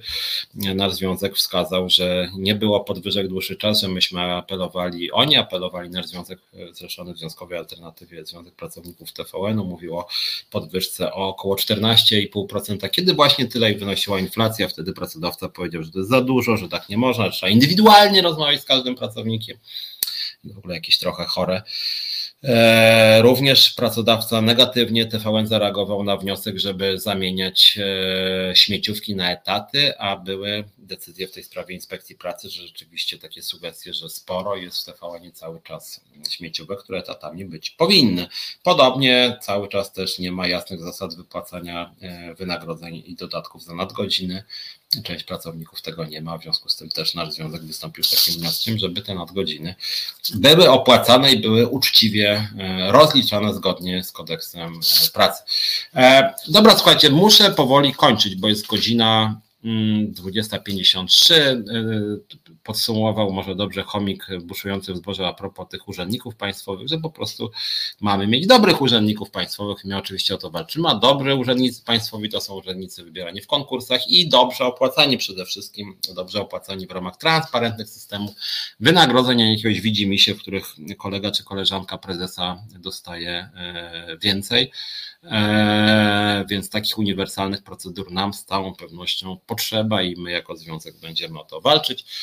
Dobra, słuchajcie, bardzo, bardzo Wam dziękuję. W piątek się widzimy z Wojtkiem Krzyżaniakiem, mm, a ze mną się zobaczycie za tydzień w środę o godzinie 19, więc trzymajcie się, bardzo Wam dziękuję i do zobaczenia, do usłyszenia.